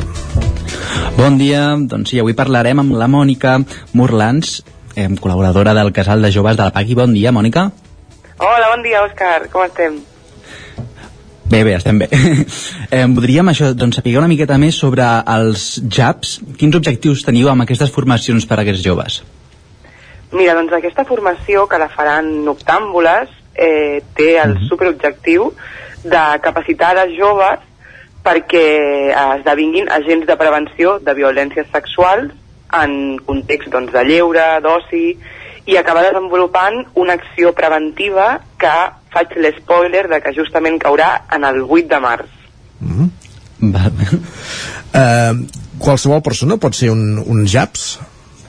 Eh, no, la, la població destinatària és, eh, aviam, és un grup reduït de 20 joves, al final es, es patarà no, aquest curs, que era el màxim de, de participants, i idealment eren joves a partir de 18 anys, eh, i al final han acabat participant noies entre 16 i 25.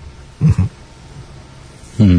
I eh, llavors, quines eines, per dir-ho així d'alguna manera, donareu per identificar les violències masclistes? Com, com es formen el jovent per a aquestes situacions? Doncs les formacions eh, són a través de, bueno, com he dit, la formació la faran octàmbules, que són els professionals que Mhm. treballen sobre gènere i consum en l'espai d'oci, i, i la, la pedagogia estarà basada doncs, en la reflexió sobre la pràctica i, i en, en el diàleg sobre experiències personals i en dinàmiques eh, entre elles, entre iguals, no? que, que puguin acabar eh, esdevenint en habilitats, eines i, i, i una, una confiança no? de, per, adquirir, mm, per adquirir recursos per poder intervenir o eh, en fi, en el fons clar, totes hem, hem, hem viscut no? per desgràcia mm, amb qualsevol dona o, o persona del col·lectiu LGTBI amb la que parlis eh, coneixem de, de prop les violències sexuals en els espais d'oci i coneixem totes estratègies o maneres de generar pedagogia, aturar la violència. Llavors, doncs, és a partir d'aquesta reflexió del que, per desgràcia, ja coneixem, eh, posar-ho sobre la taula, posar-hi nom i, i, i que acabi esdevenint una, una campanya potent. Bueno, veurem què, què, què passa. Uh, fins ara s'han fet les inscripcions, ens comentaves que estan tancades, que, que està complet. Uh, com, com ha de funcionar aquesta formació a partir d'ara? Doncs seran unes sessions online, faran... En total són 25 hores aquest projecte i aniran fent unes sessions online eh, en la que es formaran i després començaran unes sessions de creació i acabaran desenvolupant l'acció la, preventiva en, en aquesta data assenyalada del 8 de març.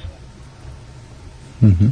I això és el primer cop que es realitza Cardedeu. Saps si com havies comentat, eh, l'entitat Noctàmbul si havia realitzat aquest projecte en altres municipis. Doncs la veritat Sabem és que si té no ho sé. Val? Però per la, per la pinta que té de ben preparat estic segura que això ja ho han posat en pràctica perquè a més bueno, està, està subvencionat pel Departament de, de Benestar i Afers Socials de la Gene per tant entenc que, que bueno, estic més informat aquí però segur que, que està més que comprovat i posat en pràctica ja Uh -huh. Les sessions ens comentaves que són telemàtiques, virtuals, per, no, no hi, uh, sobre el terreny, el primer que veurem, per tant, és aquesta acció del 8 de març, eh? Abans no, no hi haurà, no es materialitzarà res en aquest aspecte. De, pel que tinc entès, no. Això sí, hem ofert al Casal de Joves La Paqui com a espai on les joves es puguin trobar per fer el curs, encara que sigui online, doncs Perfecte. intentar començar a generar sinergies entre elles i vincular-les a altres projectes de, de la Paqui, del Casal de Joves, on sí que anem fent cosetes i accions que també més endavant veureu.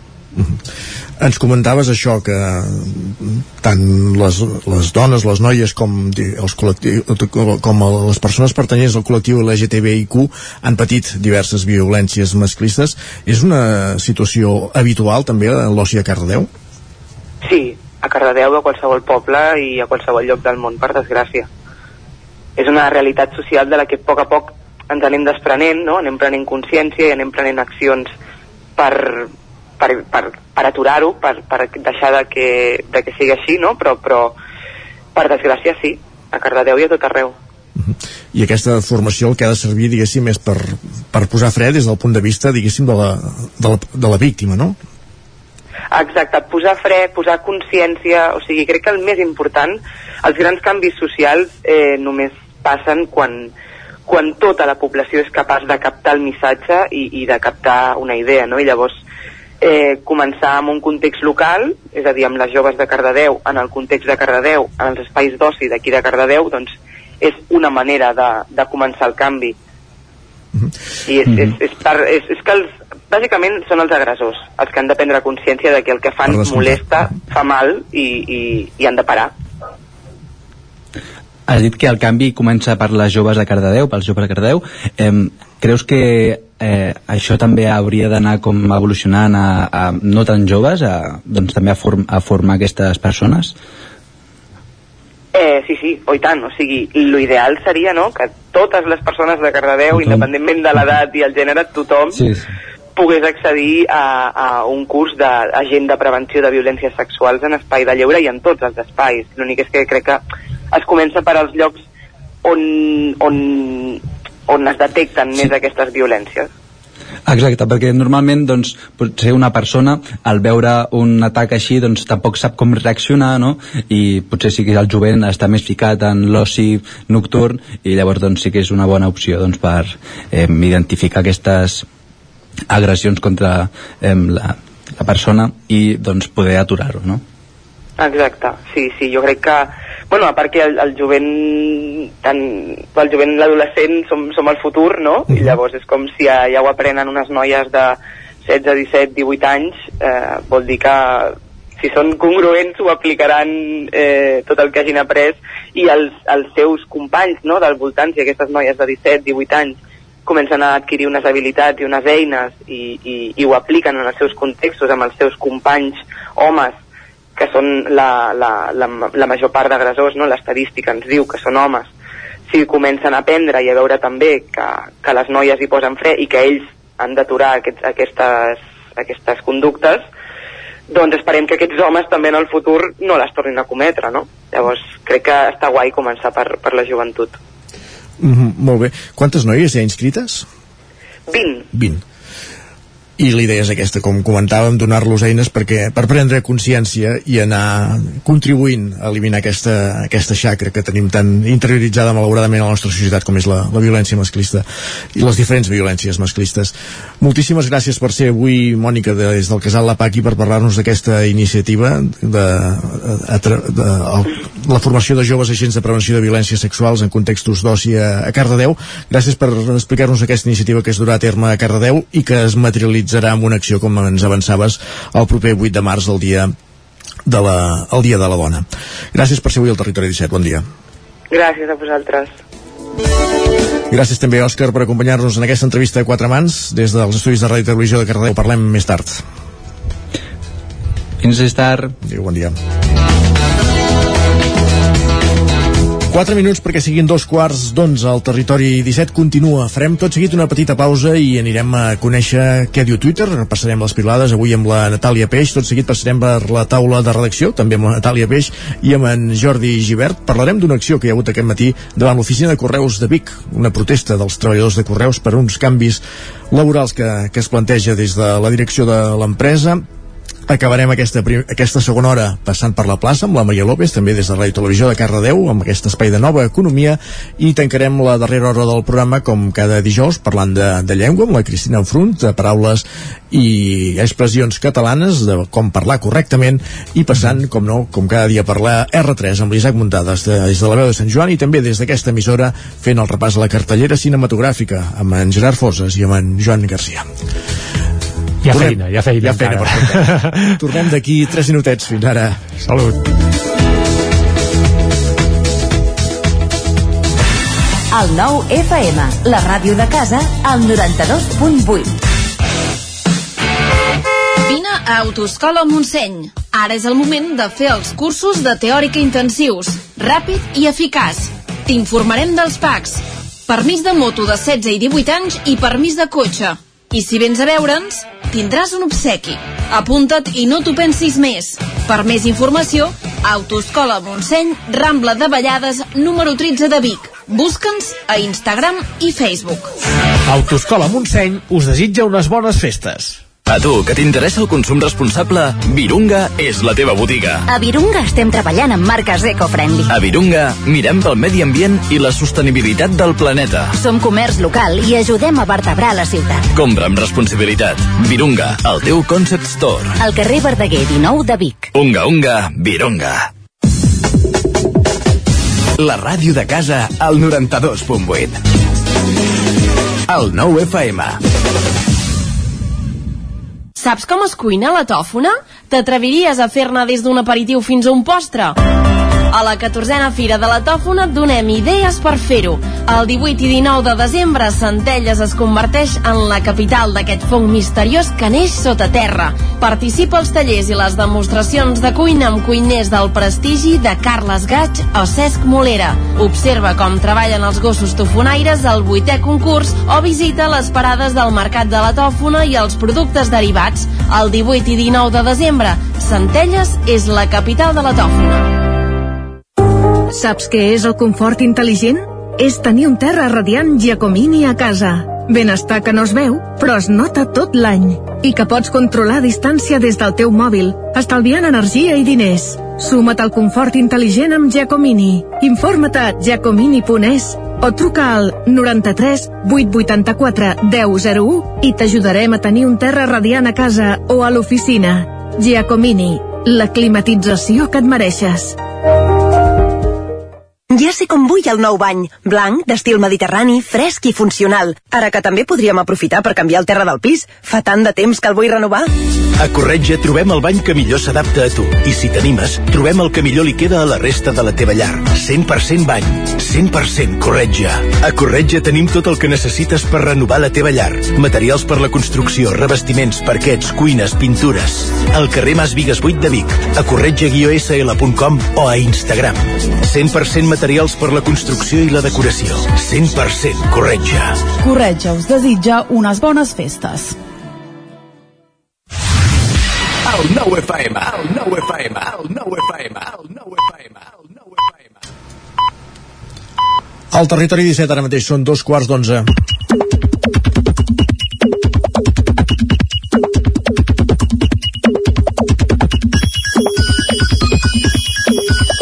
I a aquesta hora, com indica la sintonia, moment d'entrar a Twitter, Jordi. Exacte, cada dia ens acompanya en Guillem Sánchez per treure una mica la punta al que es cou a les xarxes, però avui no tenim en Guillem, tenim la Natàlia Peix. Uh, Natàlia, molt bon dia. Què tal? Bon dia. Home, molt bé. Què ens portes, va?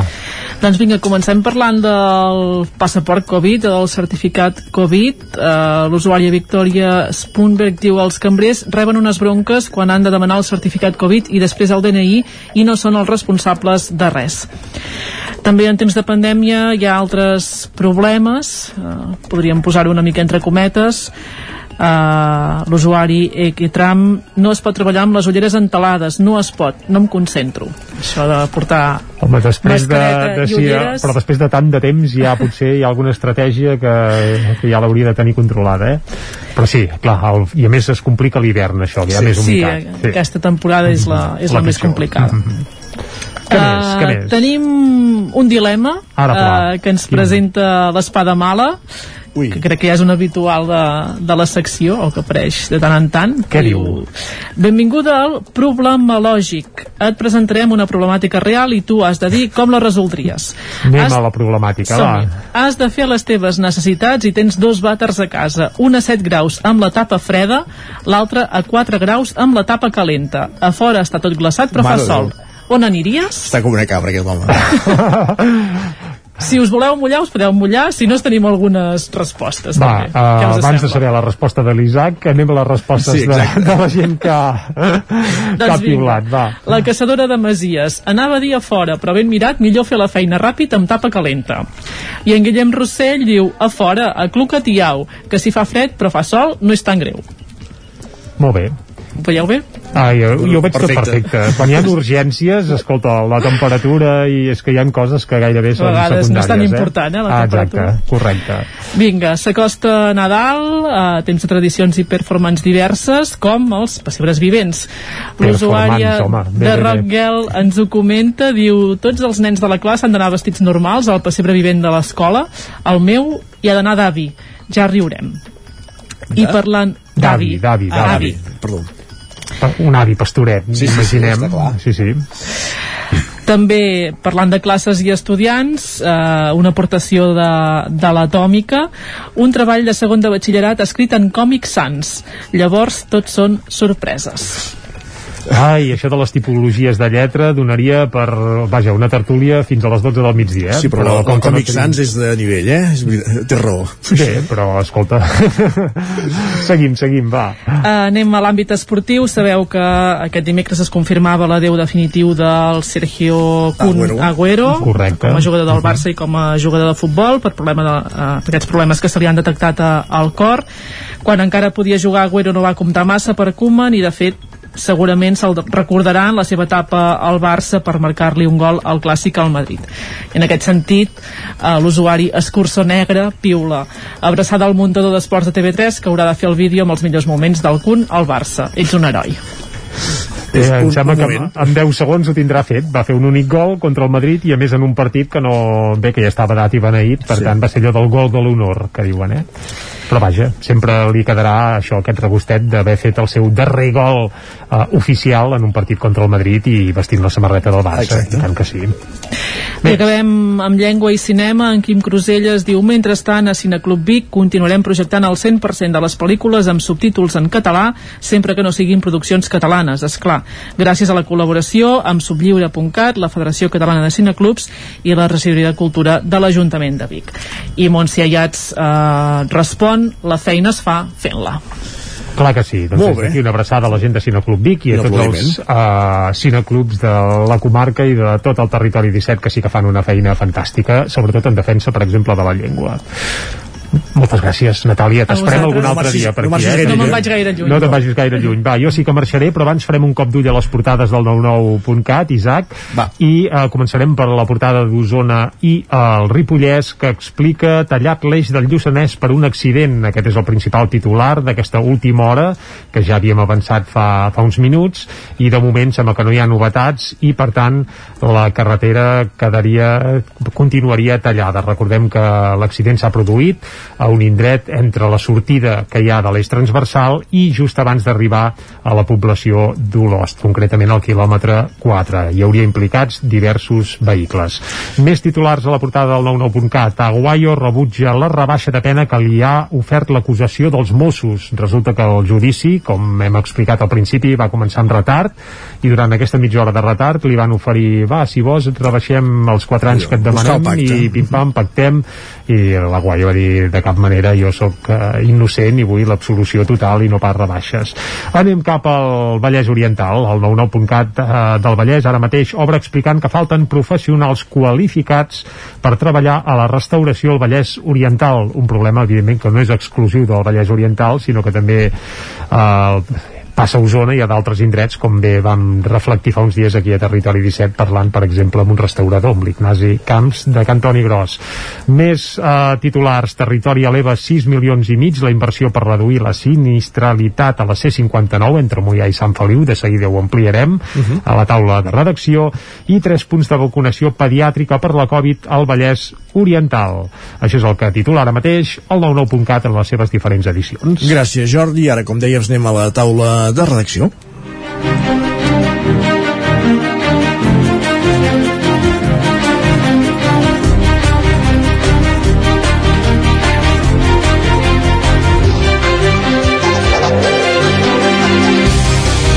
I avui a la taula de redacció, en companyia, com dèiem, de la Natàlia Peix i d'en Jordi Givert. Natàlia, benvinguda de nou. Hola.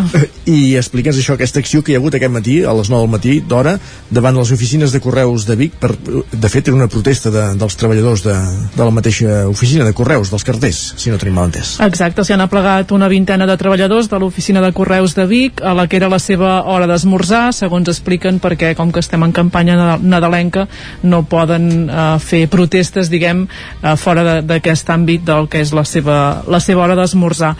Una protesta que s'ha fet en altres altres llocs de Catalunya perquè de fet el que denuncien és que s'està establint un nou model de carteria a diferents punts de l'Estat i, i de Catalunya eh, entre els quals hi ha Vic però també per exemple Manresa, Berga, Granollers, Barcelona o l'Hospitalet.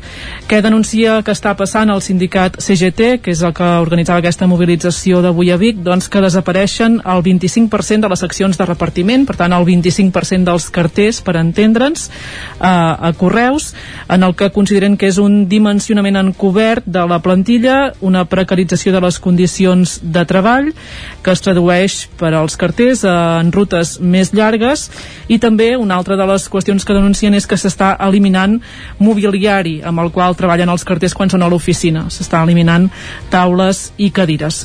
Consideren que eh, això tindrà una traducció en una, pre, en una destrucció de llocs de treball que no és fer fora treballadors però sí que té a veure amb l'eventualitat amb l'alta eventualitat que hi ha a la plantilla de uh mhm. -huh. Correus i eh, que representarà també una pèrdua de la qualitat en el servei postal que consideren que és el que notarà la ciutadania i diuen que darrere de, de tot plegat hi ha la voluntat d'impulsar un model no tant de correu postal sinó de paqueteria que beneficiaria grans corporacions eh, ells citaven doncs, en concret eh, l'empresa Amazon.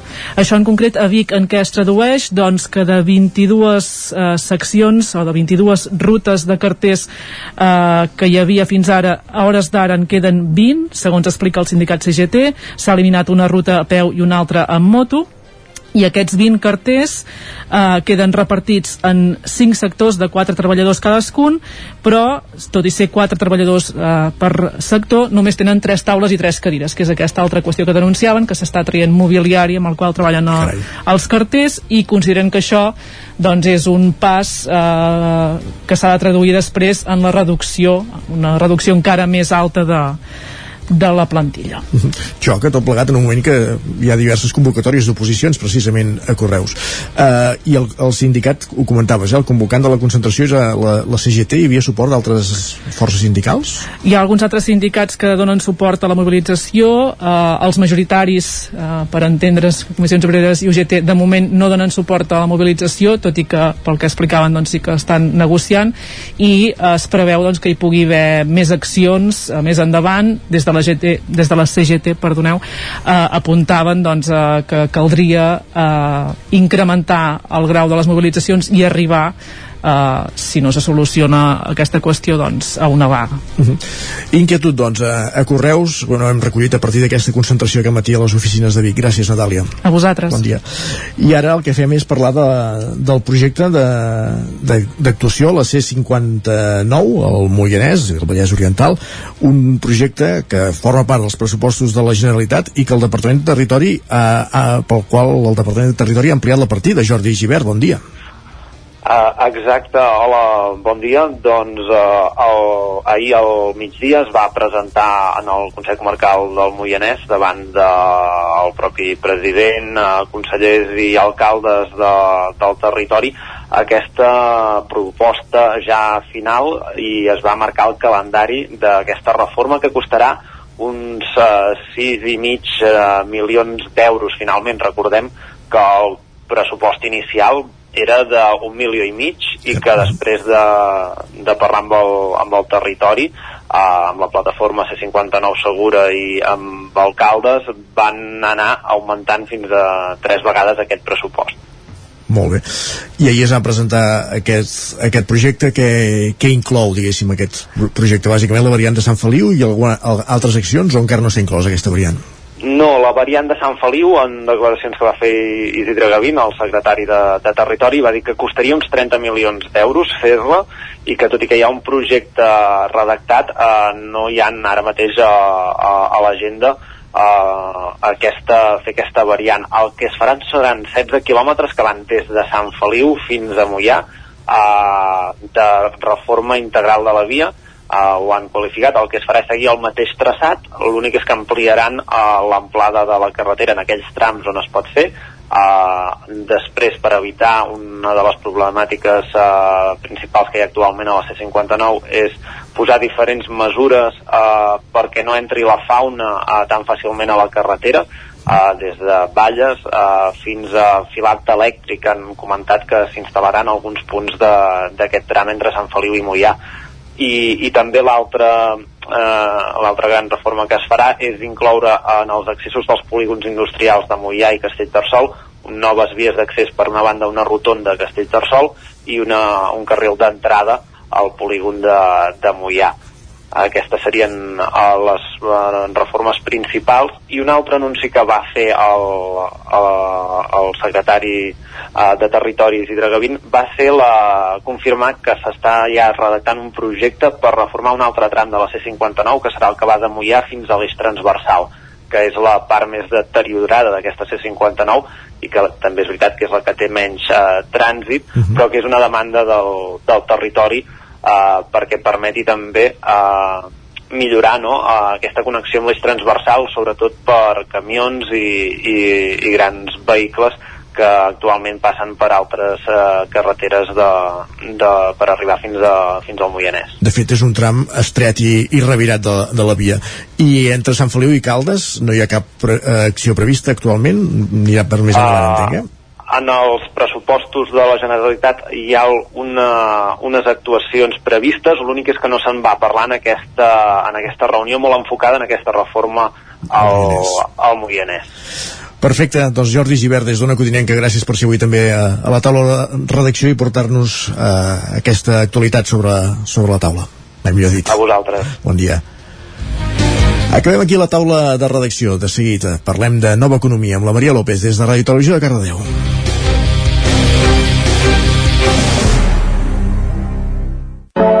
Territori 17, el 9 FM, la veu de Sant Joan, Ona Codinenca, Ràdio Cardedeu, Territori 17. Un minut i seran tres quarts d'onze. Com cada setmana parlem de nova economia des de Ràdio Televisió de Cardedeu amb la Maria López i 11.cat. Maria, bon dia. Bon dia i benvinguts a la plaça, aquesta secció on ens endinsem en el món de la nova economia i la fem aterrar com el seu propi indica, a la plaça, on està la gent, perquè tothom pugui entendre una miqueta més de què va això de l'economia digital, de la nova economia. Però avui fem una, una plaça una mica diferent i una mica especial, perquè farem una plaça amb una mica doloreta a La Foc Lent, la secció de cuina de Territori 17. I és que avui farem un especial de Nadal amb cuina de reaprofitament, per aquest Nadal precisament, i intentarem que sigui un Nadal una mica més sa i més econòmic, un Nadal sa i més econòmic amb la Mireia Casamada. Ella és influencer foodie i és amiga d'11.cat. També ens estan acompanyant avui amb la Gemma Vallet, que és la directora de màrqueting d'11. Bon dia, Mireia. Bon dia, Gemma. Bon, bon dia. dia, Maria. Parlem de cuina de reaprofitament. Ja portem unes quantes setmanes per intentar ajudar a fer un, un Nadal econòmicament responsable i sostenible. I avui ens endinsem a, a la zona Fogons, per dir-ho d'alguna manera, a, amb el repte que ens ajudarà la Mireia de preparar una mica un dinar per 4, 5 o fins i tot 20 comensals de forma econòmica. Això és una cosa que a mi, a mi em costa, eh? perquè ja sembla que arriba el Nadal i hagis de fer la gran taula amb, amb tot eh, explosiu i tot super lujo, però no té per què ser així. Com gestionem aquests, aquests Nadals, aquests dinars amb aquesta mirada una mica més d'economia? Bé, eh, el punt número 1 és bàsicament els ingredients. Eh? Perquè quan cuinem per 4, 5 o fins i tot 20 persones, tot i que aquest any amb, amb el Covid no sé si seria possible en algunes cases o no, eh, el que s'ha de fer és calcular els grams per persona que, que menjaran. És a dir, nosaltres per Nadal el que acostumem a fer sempre és el que deies tu, Maria, anar a lo grande. tot exuberant, tot, tot opulència. Però eh, quan hi ha tanta opulència el que acabem fent és tirar molt menjar perquè tenim por de fer curts i, uh, i comencem a comprar, comprar, comprar, a fer, a fer, a fer, a fer, però uh, al final sobra moltes coses. Per la qual cosa, primer, pel que s'ha de començar, a part de, de, de triar el menú, és saber uh, quina ració hi ha per persona. Per posar tall d'exemple, eh, per, de les, de, diguéssim, dels ingredients que es compren aquestes festes, com pugui ser el peix, per, amb el peix en 200 grams per persona n'hi ha suficient. La, el que és la carn, amb 100 grams n'hi ha suficient. Verdura, 150-200 si fas d'acompanyament. Arròs, 60. Uh, o patata o pasta i el pollastre, per exemple, el pollastre de Nadal, doncs amb 100-150 grams per persona n'hi ha suficient. I com que la gent farà sopa de galets, eh, amb 30 mm. grams de galets... Un clàssic. Exacte, el clàssic, amb 30 grams de galets per persona n'hi ha suficient. Què vol dir això? que eh, amb aquestes dades, jo ja fa anys que ho vaig aprendre, eh, perquè a casa pels Nadals aquest any ni l'any passat no, però els altres eren per 25 o 30, vaig aprendre aquesta lliçó, després de tirar molt menjar. Eh? I, uh, I el que vaig fer-ho va ser al revés. Començar a saber què menjaria cadascú amb, amb grams i a partir d'aquí a comprar. Què vol dir això? Que si sou 8 persones no agafarem un, cop, un capó de, de 3 quilos perquè no val la pena perquè ens sobrarà gairebé un quilo. Vull dir que amb, amb un capó de 2, 2 quilos i mig n'hi ha suficient eh, per, per dir-ho.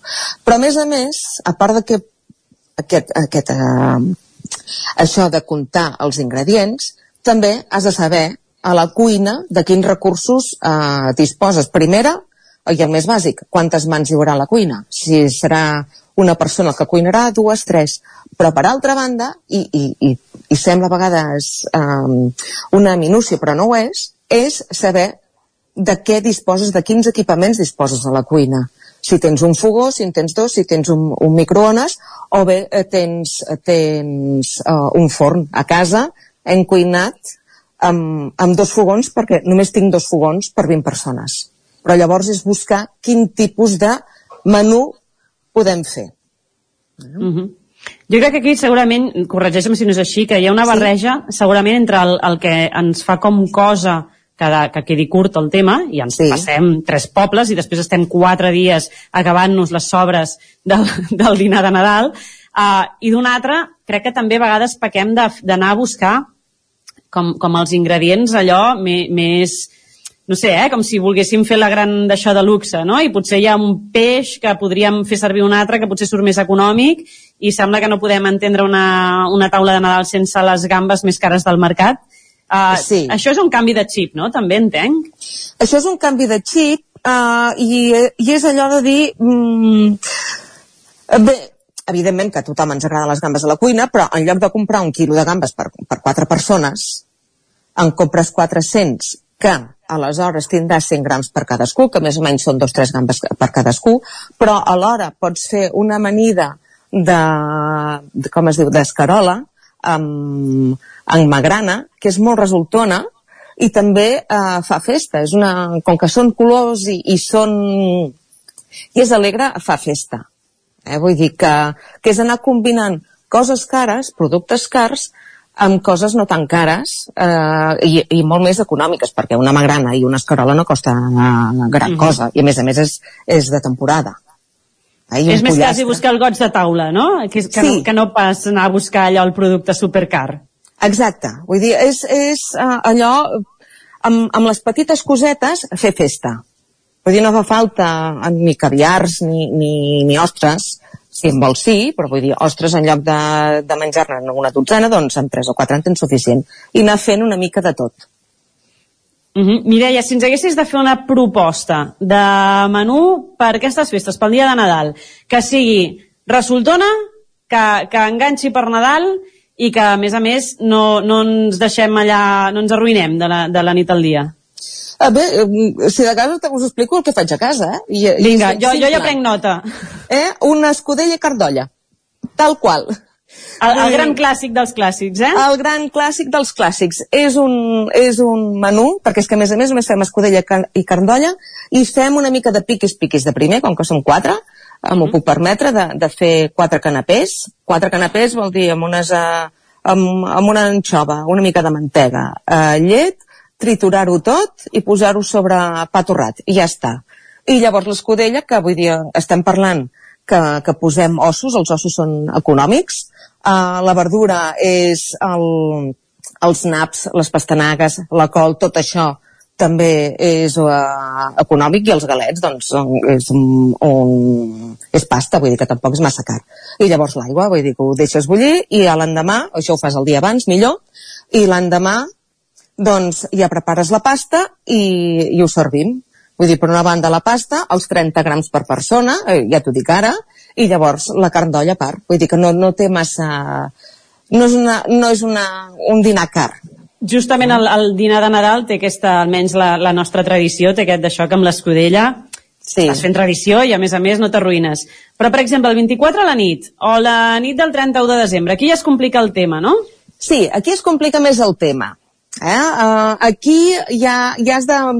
El que pots començar a agafar és uh, tot el que t'ha anat sobrant, si ho fas bé no et sobrarà, però si no, uh, pots anar agafant el que t'ha sobrat el 25 i 26 perquè el dia 31 puguis uh, tornar-ho a treure. Uh, per exemple, a mi, personalment, no m'agrada anar repetint uh, el que m'ha sobrat un dia posar-lo l'altre, que ja et dic, eh, que soc, cada cop sóc més més, eh, més estricta i em sobra poquíssima per aquestes festes, perquè ja ho calculo allò just i que sembla que no hi hagi menjar taula, però n'hi ha.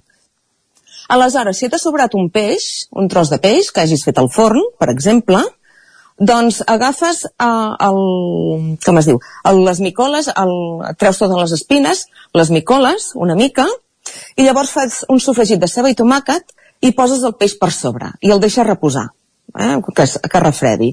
A part, hi poses, eh, agafes uns, uns ous i una mica de, de crema de llet i ho bats. Ho barreges tot i llavors fas un púding de peix. La mar de, la mar d'estupendo, la mar de fàcil i, a més a més, amb ingredients que tens a casa. Ho deixes coure al forn amb bany maria, ho deixes refredar, ho desemmotlles i ja tens un, un sopar de, de cap d'any estupendo, amb una mica de, de amanida i una mica de maionesa, ja està. Escolta, quina manera de reaprofitar aquí el, el peix, però una altra de les receptes tradicionals aquí a Catalunya és també reaprofitar el que sobra del, del caldo de, de l'escudella de Nadal i fer els, els clàssics canelons, no? Correcte, correcte, vull dir, el, els clàssics eh, canelons, que bé, de fet és, és cuina de reaprofitament, perquè la història diu que un, una senyora de Barcelona, burgesa, en el llindar del segle XIX-XX, doncs va fer el capó de Nadal, bueno, tot i l'endemà el seu cuiner, com que sobrava tantes coses, va preparar uns, uns, uns canelons, perquè el, el cuiner era italià, eh, el que tenia, va preparar uns canelons, que se'n diuen els canelons Rossini, i a partir d'aquesta anècdota, doncs per Sant Esteve es fan els canelons. Catalunya sí. són bastant, oi, de, de cuina de reaprofitament en general? Sí, home, eh, a veure, això perquè ja, ja m'ho van ensenyar a mi els pares. Um, I clar, els pares, per exemple, ja van patir la guerra i era tot reprofitar-ho tot, no? I a mi això sí que m'ha quedat. I això és uh, que també a les xarxes es vaig posant, vull dir, uh, cuina de restos. Però, bueno, és allò de presentar-ho d'una manera diferent. Vull dir, si avui fas un peix, doncs demà fas una, un, un caldo i, uh, no per aquestes festes potser, o, o sí, vull dir, això depèn de cadascú, i fas un caldo de peix i ja tens una sopa de peix. Uh, del, si feu pollastre o, o el que sobra de la, de la, de la carn d'olla, què, què faig a casa? Doncs em faig croquetes, i les croquetes les faig de, de manera més senzilla, eh, també. Ho desfaig tot, i llavors hi poso una mica de llet i farina i, i ja està i ho deixo coure i l'endemà faig croquetes. Llavors les congelo totes. Reaprofitament a tope. Escolta, sí, sí. A, a casa teva o la teva família, tenint l'Instagram foodie eh, amb aquest èxit, s'hi deuen barallar per, perquè organitzis tu els sopars i els dinars, no? M'imagino.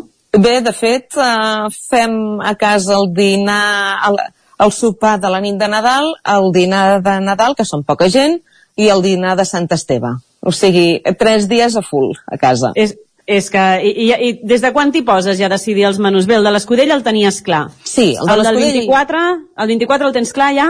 No, no encara, no encara.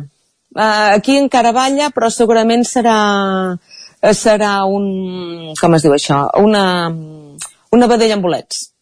Una vedella amb bolets. I això ens deixa sí. després una mica de joc per reaprofitar-la, si sobra? Uh, sí, Sí, sí, perquè, a veure, pots agafar la, la vedella que sobra, la congeles, si no la vols fer servir per aquests dies, perquè, és clar, menjar vedella amb bolets un dia, l'altre i l'altre tampoc. La congeles i aleshores, eh, per exemple, pel dia 1, la treus, el dia, el dia de cap d'any, la treus, fas unes patates parisines. Sabeu quines són les patates parisines? No, ara m'has matat. Sí, són aquelles patates que són petites que, està, que van pelades que venen en pots ja amb, amb conserva, que també mm -hmm. ho pots fer-ho tu, eh? Sabeu, sabeu quines són? No, però ara mateix ho buscaré. Sí. La...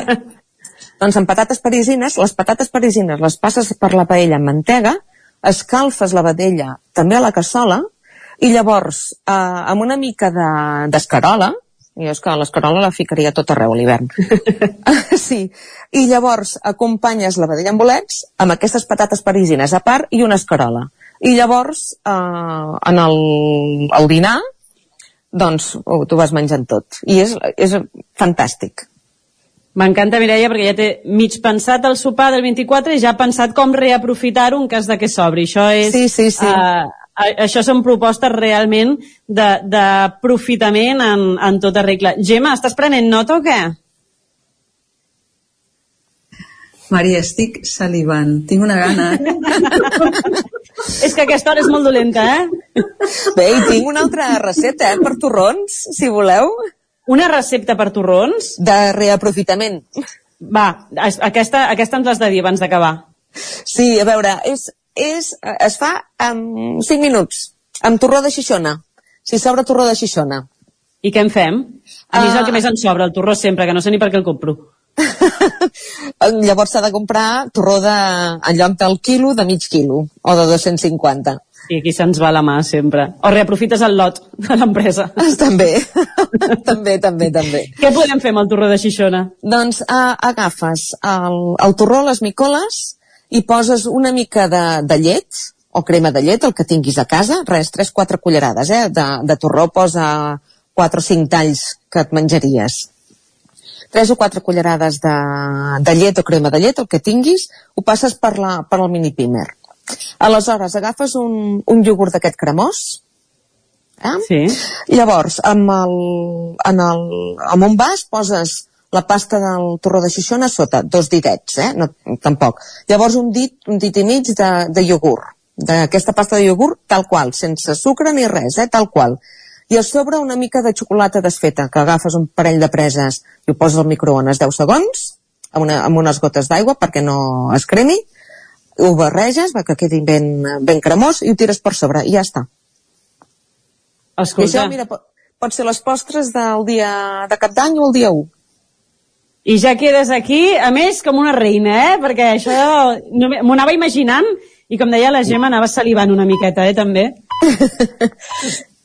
Vull dir que és, és anar jugant amb això. I, I a veure, que la gent no tingui por a ser escrupulosos a l'hora de comprar ingredients i que doni la sensació, que a mi m'ha passat, al final m'he acostumat, eh?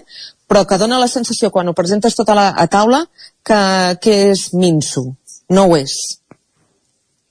Doncs escolteu, amb aquests consells de cuina de reaprofitament ens acostem a, a, al final de la plaça, però Gemma, desvetlla'ns una miqueta perquè ens queda ja només una, una secció de la plaça abans d'acabar l'any. De què parlarem dijous vinent?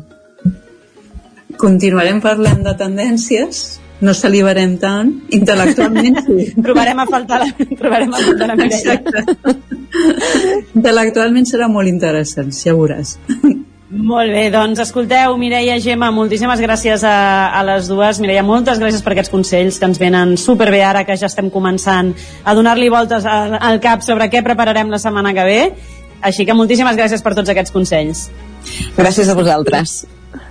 Doncs, companys de Vic, us torno al relleu cap allà. Nosaltres tornarem el dimarts amb un nou racó de pensar. Aquí estarem, gràcies Maria, fins dimarts, bon cap de setmana. Hem fet, agafat tot salivera amb aquest racó de pensar avui dedicat a la cuina de reaprofitament, tenint en compte les dates que, que se'ns acosten.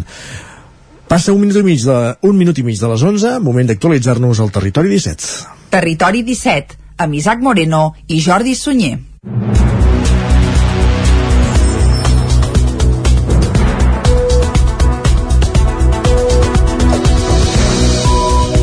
El Vallès Oriental tindrà tres punts de vacunació pediàtrica al CAP Sant Miquel de Granollers, el Plana Lledó de Mollet i el Can, Prat de les Franqueses. Núria Lázaro, des de Ràdio Televisió de Cardedeu.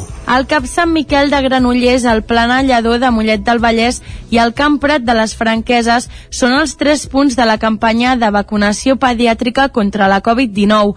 En total, la regió metropolitana nord comptarà amb 12 punts de vacunació per als més petits. Segons ha informat la regió sanitària metropolitana Nord, aquesta vacunació tindrà lloc principalment als punts de vacunació poblacionals, complementats amb altres espais o centres d'atenció primària amb línies pediàtriques. Salut ha destacat que aquesta oferta es podria ampliar o modificar en els propers dies.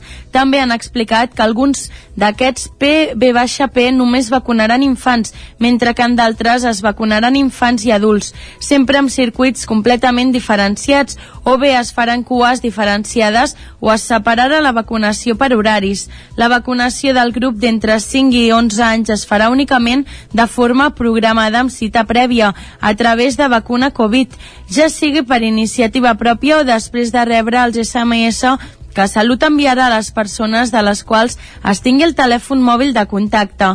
Als infants se'ls administrarà la mateixa vacuna que als adults, però la dosi per a aquesta franja d'edat és un terç, 10 micrograms, de la que s'administra als adolescents i adults, 30 micrograms. Per últim, els que facin 12 anys en els propers mesos es vacunaran amb una dosi de vacuna contra la Covid-19 pediàtrica i si en compleixen 12 entre la primera i la segona dosi, aquesta darrera serà una dosi d'adults.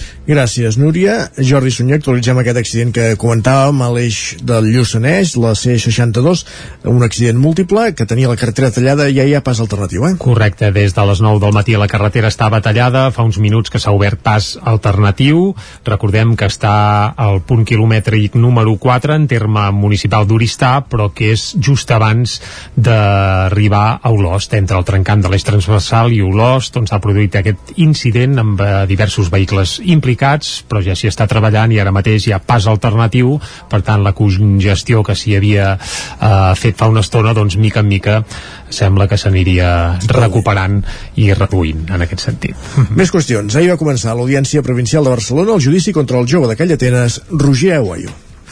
A Roger Aguayo arribava ahir al matí a l'Audiència de Barcelona on se'l jutja per presumptes delictes d'atemptat contra l'autoritat, desordres públics i lesions lleus en el tall de la C-17 i la C-25 a GURB el 21 de febrer del 2019.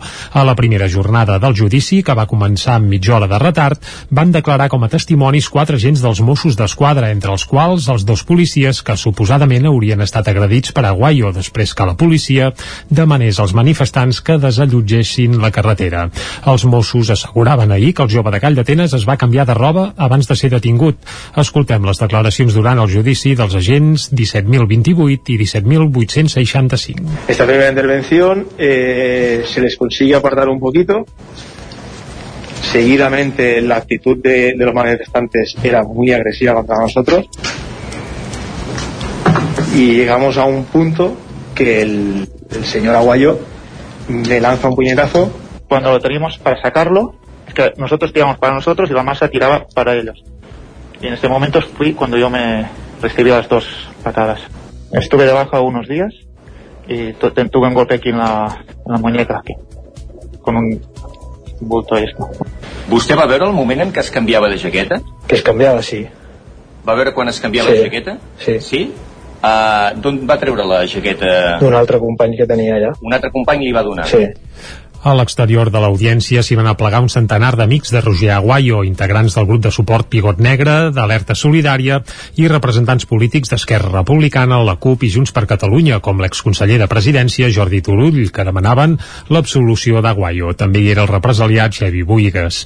Avui dijous la concentració s'ha repetit i recordem que el judici torna a estar en marxa des de les 10 d'aquest mateix matí. Ara escoltem a Nil Cardona, que és el portaveu del grup de suport Pigot Negre. Creiem que és absolutament inexplicable, bueno, és explicable davant d'un estat demofòbic, un estat hereu del franquisme i mm, entenem que davant d'aquesta situació que viu l'estat espanyol i de l'ocupació de l'estat espanyol i francès als països catalans, doncs venen condemnes per manifestar-se i per intentar trobar una sortida política al, al problema i al conflicte del poble català envers aquests estats i entenem que només podem demanar-ne l'absolució i que, que esperem que així sigui. Els testimonis de la defensa i el mateix Roger Aguayo estan declarant avui mateix, eh, des de les 10, quan s'ha reprès el judici, en la segona jornada, eh, això d'un judici que possiblement s'allargui encara fins demà divendres. Els advocats privats dels Mossos d'Esquadra demanen una pena de 4 anys de presó i 10.000 euros de multa eh, per Aguayo, mentre que la Fiscalia demana un any de presó i indemnitzacions de 3.000 euros. Els comerciants dels barris del Remei i l'Estadi de Vic retolen els seus establiments i atenen principalment els seus clients en català. Si no ho fan d'entrada, prop d'un 40% poden adaptar-s'hi un cop comença la conversa. És una de les conclusions del Pla Llengua i Comerç, que s'està desplegant a Vic fins l'any 2023.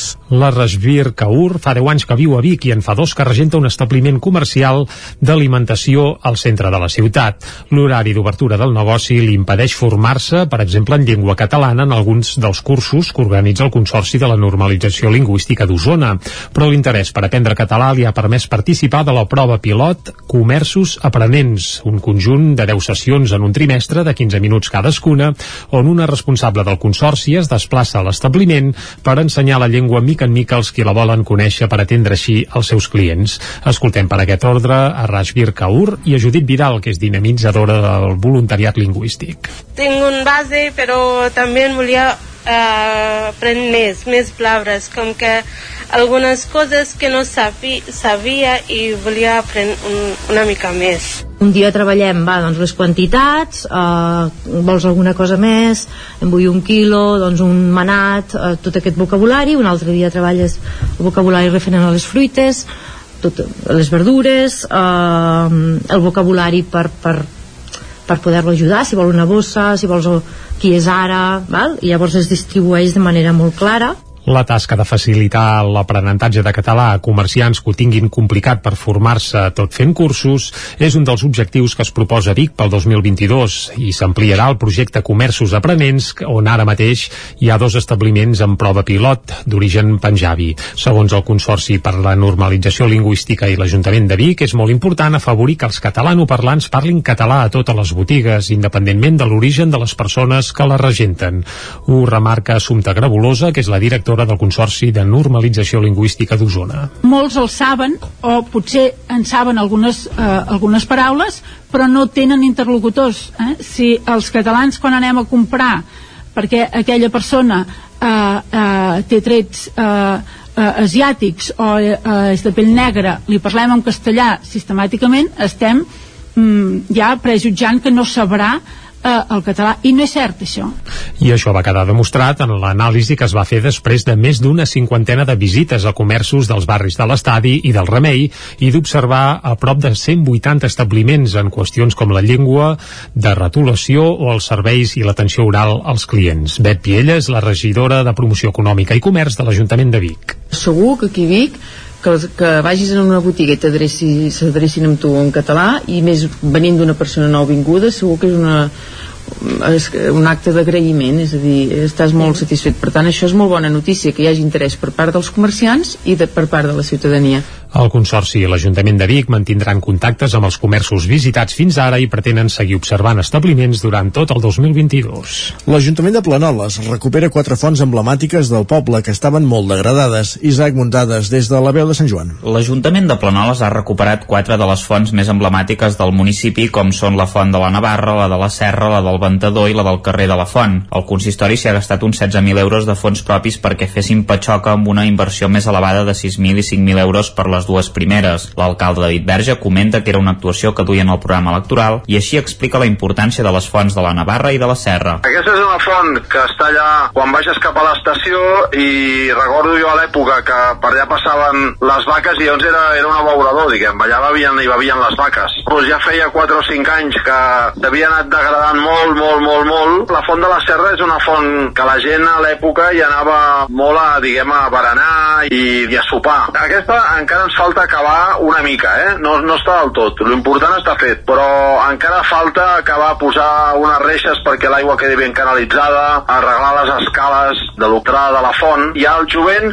ara també hi va bastant. A la del carrer de la font també hi bevien les vaques i feia anys que no funcionava perquè no estava ben revestida. Ara això s'ha arreglat i s'hi han posat jardineres. Pel que fa a la font del ventador, la gent ja no hi anava perquè les parets estaven molt degradades. Les quatre fonts s'han arreglat durant aquest any 2021, ja que, per exemple, la de la Navarra es volia arreglar clar el 2020, però els diners van anar destinats a temes relacionats amb la Covid-19. Les fonts formen part de la ruta de les fonts que n'està formada per gairebé una desena. Hi ha la font freda al Collet de les Barraques, la dels burros a Planers, la de la Boixa a les Casetes, la de les Pataques a Can Gasparó i la de la Vena, que es troba al mig de la muntanya, però s'ha de recuperar la veta perquè hi torni a rejar aigua. Una exposició a la Biblioteca i al Centre Cívic de Caldes de Montbui convida a reflexionar sobre la importància que els infants puguin jugar en català, que era el campàs des d'Ona Codinenca. Convidar a la reflexió sobre la importància de la llengua en els jocs i joguines i del fet que els nens i nenes puguin jugar en català és l'objectiu de l'exposició en català tu jugues que es pot veure al vestíbul del Centre Cívic de Caldes. La mostra l'ha creat la Plataforma per la Llengua, l'ha dissenyat la creadora de les Tres Bessones, Roser Capdevila, i la delegació local de l'Assemblea Nacional Catalana ha estat la responsable de portar-la a Caldes. A banda dels objectius que s'han esmentat ara, l'exposició l'exposició apela també a les empreses que fan jocs i joguines perquè facin els possibles per tal que els infants puguin utilitzar la llengua catalana en els seus productes. Ho amplia Eva Aubarell, membre de l'ANC de Caldes i una de les responsables del projecte. En aquests moments eh, de retrocés de coneixement i l'ús de la llengua, que ho, ho, el veiem en diferents àmbits, tant eh, s'està parlant molt, per exemple, de les plataformes digitals, però hi ha molts altres àmbits en què detectem eh, un retrocés del coneixement i sobretot una gran davallada de, de l'ús del català un d'aquests àmbits seria aquest, el, el, els jocs i les, i les joguines. No? Des d'Assemblea Caldes hem volgut portar l'exposició per posar sobre la taula aquesta reflexió i en aquesta època que tots, eh, qui més qui menys, estem pensant en, en quins jocs volem que ens eh, cagui el tió o que ens portin els reis, doncs que aquest també sigui un element present en la, en la reflexió a l'hora de, de demanar el que, el que volem. L'exposició es podrà veure fins dimecres vinent, 22 de desembre, al Centre Cívic i des de l'endemà, dia 23 fins al 14 de gener, a la biblioteca. Un minut perquè sigui un quart d'otze, un últim apunt abans d'acabar. Retorns és el títol del muntatge que dissabte es va estrenar al Museu de la Torneria de Torelló, un espectacle amb música, teatre, poesia i dansa creat per Pep Tines i Caco Prat i interpretat pel músic Santi Carcassona i els ballarins Nàdia Pesarrodona i Oriol Roca. L'obra es podrà veure de nou aquest cap de setmana amb sessions divendres, dissabte i diumenge. Dissabte es va estrenar al Museu de la Torneria de Torelló l'espectacle Retorns, una obra que s'allunya de les típiques visites teatralitzades als museus i que amb pinzellades de poesia, dansa i música homenatge al món de la torneria. L'espectacle l'han ideat Pep Tines i Caco Prat de Teatre Sela, la mateixa companyia que fa un parell d'anys havia ideat tornariejant al mateix espai. Escoltem a Pep Tines. En aquell moment dèiem que eren eh, una passejada eh, pel Museu de la Torneria veient també una cosa similar però partia més d'una cosa més tradicional d'un so també amb, amb l'Amadeu Rossell amb un so del, de l'acordió diatònic i en aquest moment vam dir que, que havíem d'anar una mica més enllà. I la diferència jo crec que és això amb la sonoritat i les textures que en aquell moment partíem d'una cosa més tradicional de música d'arrel de, de, de, de vivències tradicionals de, de, de, de l'entorn de la torneria i aquesta vegada partim d'altres d'altres coses que ens han emocionat i que ens han fet crear diverses, diversos paisatges d'això de, de, de teatre, de música, de dansa i en aquest sentit destaca la feina que ha fet el torellonenc Santi Carcassona, conegut per la seva faceta de percussionista i també com a cantant i guitarrista en peix o més recentment en Verge Santa. A retorns hi fa una mica de tot. Santi Carcassona. No sóc pianista i toco el piano, no sóc actor i faig una mica de paperet aquí, ah, però és que en realitat tampoc sóc guitarrista, vull dir, fa molt poc que toco la guitarra, relativament, vull dir, no sé, que, que a vegades em sento una mica impostor fent totes aquestes coses, però bueno, la dec colar bastant bé perquè a la gent li agrada, no? I el cert és que Carcassona se'n surt airós, recitant, cantant i tocant al costat d'Oriol Roca i Nàdia Pessarrodona, que hi fan de ballarins i també d'actors. L'espectacle Retorns es podrà tornar a veure encara tot aquest cap de setmana amb sessions al Museu de la Torneria de Torelló divendres, dissabte i també diumenge. Gràcies, Jordi. Ara sí que veiem aquí aquest repàs informatiu que començàvem a les 11 en companyia de Jordi Sunyer, Núria Lázaro, Caral Campàs i Isaac Muntades. Moment ara de conèixer paraules i expressions catalanes i parlar, per aprendre a parlar una mica més bé la nostra llengua.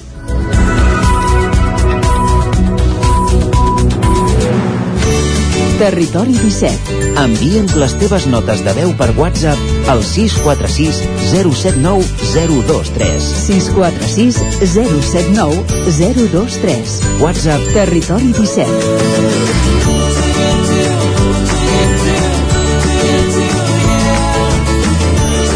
Territori 17.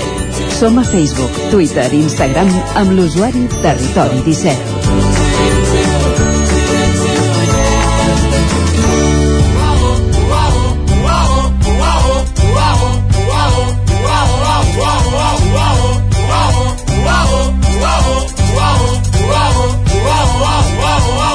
Me sobren paraules.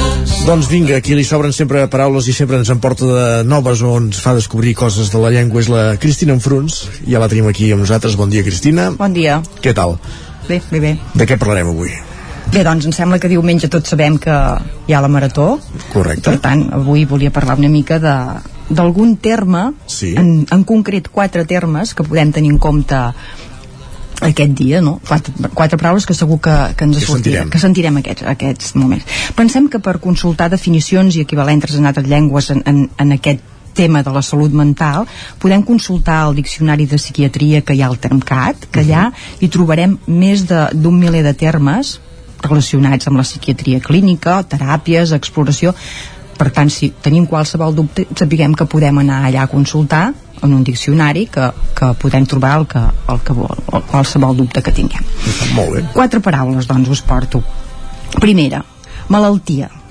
Recordem, eh, que les paraules eh, enfermetat o dolència són incorrectes. Sempre hem de parlar de malaltia. Aquesta enfermetat ens l'hem de treure de, del, del nostre diccionari. Eh? A més a més, hem d'evitar un ús d'un verb que mm, surt molt quan va acompanyat de, de malaltia, que és el verb patir.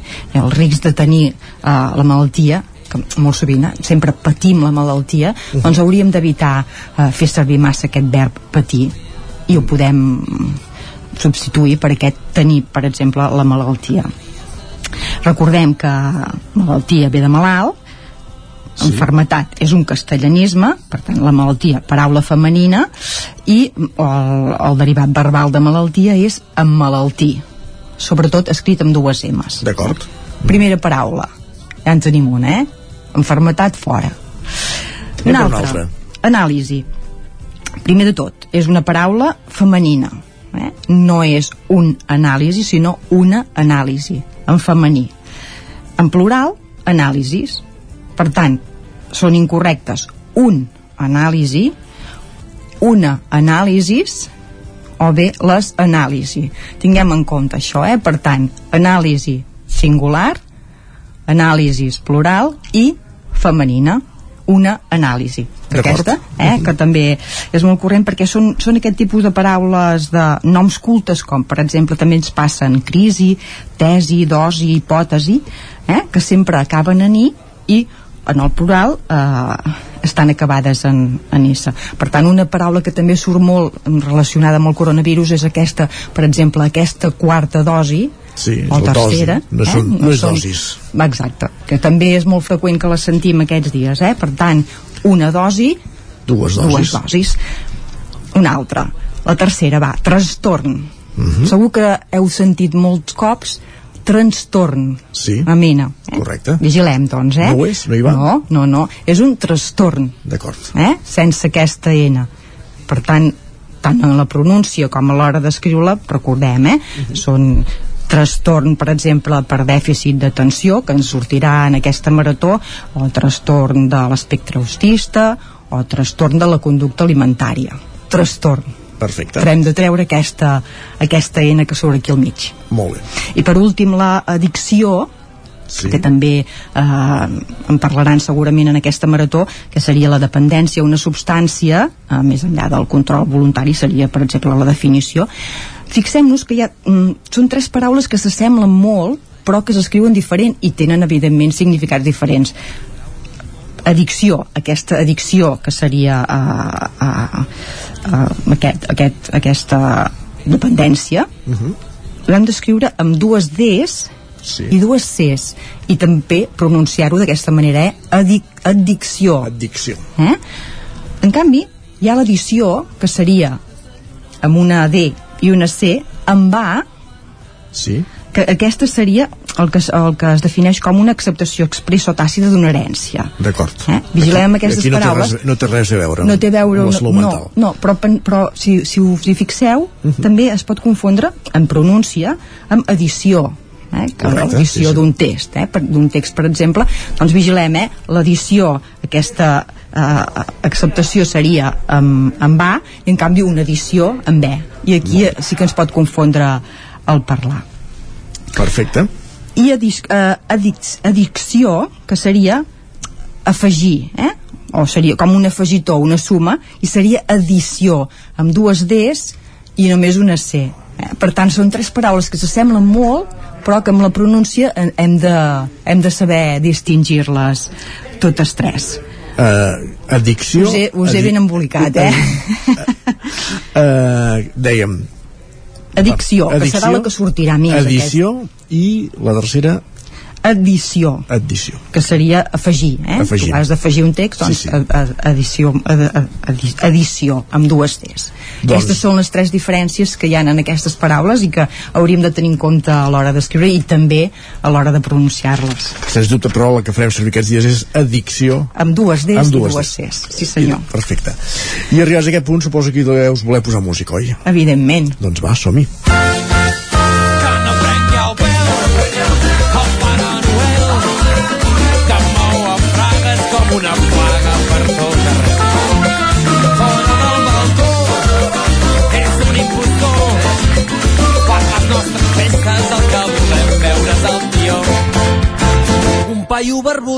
Petit i brut arriba a l'escola. Ningú ha cridat, és l'home del sac de la Coca-Cola. Té cara de vell i el nas vermell perquè fot que s'alla. És un indecent, espanta la gent i a la canalla. Ni diuen Noel, és un paio cruel que ve de Lapònia. Ve cada Nadal fotre'ns el pal amb la parsimònia. Per ell l'ideal és que facis gasto. Ell vol que ens gastem tot el que diem amb la sal al trasto. Que no prengui el pèl el Pare Noel. Que no et prengui el pèl al Pare Noel, una cançó d'un grup que es diu Terra Tombats i que reivindicava la figura del tio envers aquest impostor que diuen que ve de Lapònia i que ens ha portat la Coca-Cola de color vermell, eh? Mm, exacte. Bé, ja ho veieu, eh? anem d'un cantó a l'altre, però és que són dos temes que seran aquests... eh, Són, eh? Són, Ei, que ho signem, eh, tot això que diuen aquesta gent. Sí, no? Sí. Bé, doncs, parlem ara de Nadal, perquè clar, jo la, la setmana que ve tampoc seré aquí, per tant Correcte. també em feia gràcia portar el tema aquí, a part de, de la marató. Evidentment una, una reivindicació del nostre tió, Correcte. i bé, parlem una mica de, del que hi trobem en, el, en la cançó. Una cançó dels Terra Tombats, eh? La desconeixíem fins ara. La, sí, la desconeixíem, segurament, eh? Molt bé. Bé, Va, doncs explica'ns. mm, comencem per una frase que hi ha al mig de, de la cançó que diu és un indecent, espanta a la gent i a la canalla, i ho diu o sigui, ho remarca, eh? per tant aquí vigilem amb aquest espantar que és un verb transitiu i per tant no necessitem la preposició a, eh? per tant és un indecent, espanta la gent i la canalla Molt bé. hem de treure aquesta preposició a Perfecte. també un que segurament que ens ha eh, sobtat quan diu per ell lo ideal, aquest lo neutre que en aquests casos no l'hem de fer servir només és correcte quan après darrere del verb eh, per espantar-lo, per exemple hauríem de canviar aquí, és molt fàcil eh? podem dir per ell l'ideal i ja està eh? també llavors podem buscar altres fórmules per no fer servir aquest lo neutre en plan comercial, que aquí no sé què en faríem d'això, no sé com en diríem eh? en el camp comercial o vés a saber què o aquest és que faci gasto Gasto, despesa. Ara bé, aquí, com, li, com també com li posaríem, Despesa. tampoc ho sé, eh? tampoc ho sé. I més avall també hi ha aquest, eh, pels més xiquets, uh -huh. quan hi ha un beneficiari, aquest, sí. aquest sí que és molt clar que haurà de ser un paral. Evidentment és una, una cançó que reivindica el nostre tió, que és una paraula que eh, es feia, o sigui, en principi era la mateixa, o sigui, era un sinònim de, del que és el, el, el tronc, eh? Sí, però que nosaltres correcte. ara no fem servir, eh? sinó que L'hem- dedicat simplement a, a ser el tió de Nadal. El tronc, el tronc l'hem tronc- que diríem, no? Eh, Exacte, no la fem servir eh, com aquesta paraula i per tant, doncs, eh, bé, és això, una reivindicació del tió Perfecte. aquí. Doncs moltes gràcies, eh, Cristina, i bones festes, ja que Vinga. ho has dit que no hi seràs aquí la setmana Doncs a que vosaltres igualment. Que vagi bé.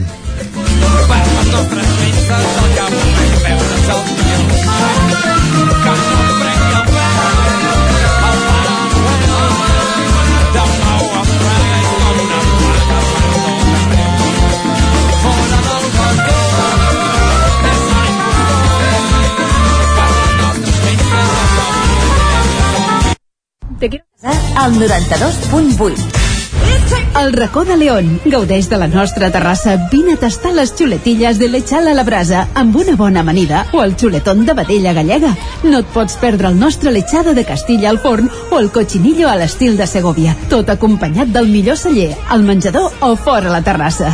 Descobreix la millor cuina de Lleó sense moure't de casa. Vine amb la família, els amics, la parella o sol. T'encantarà. El racó de León, cuina tradicional lleonesa i de mercat. Som al carrer Torelló número 35 de Vic. Per reserves, telèfon 93 889 1950.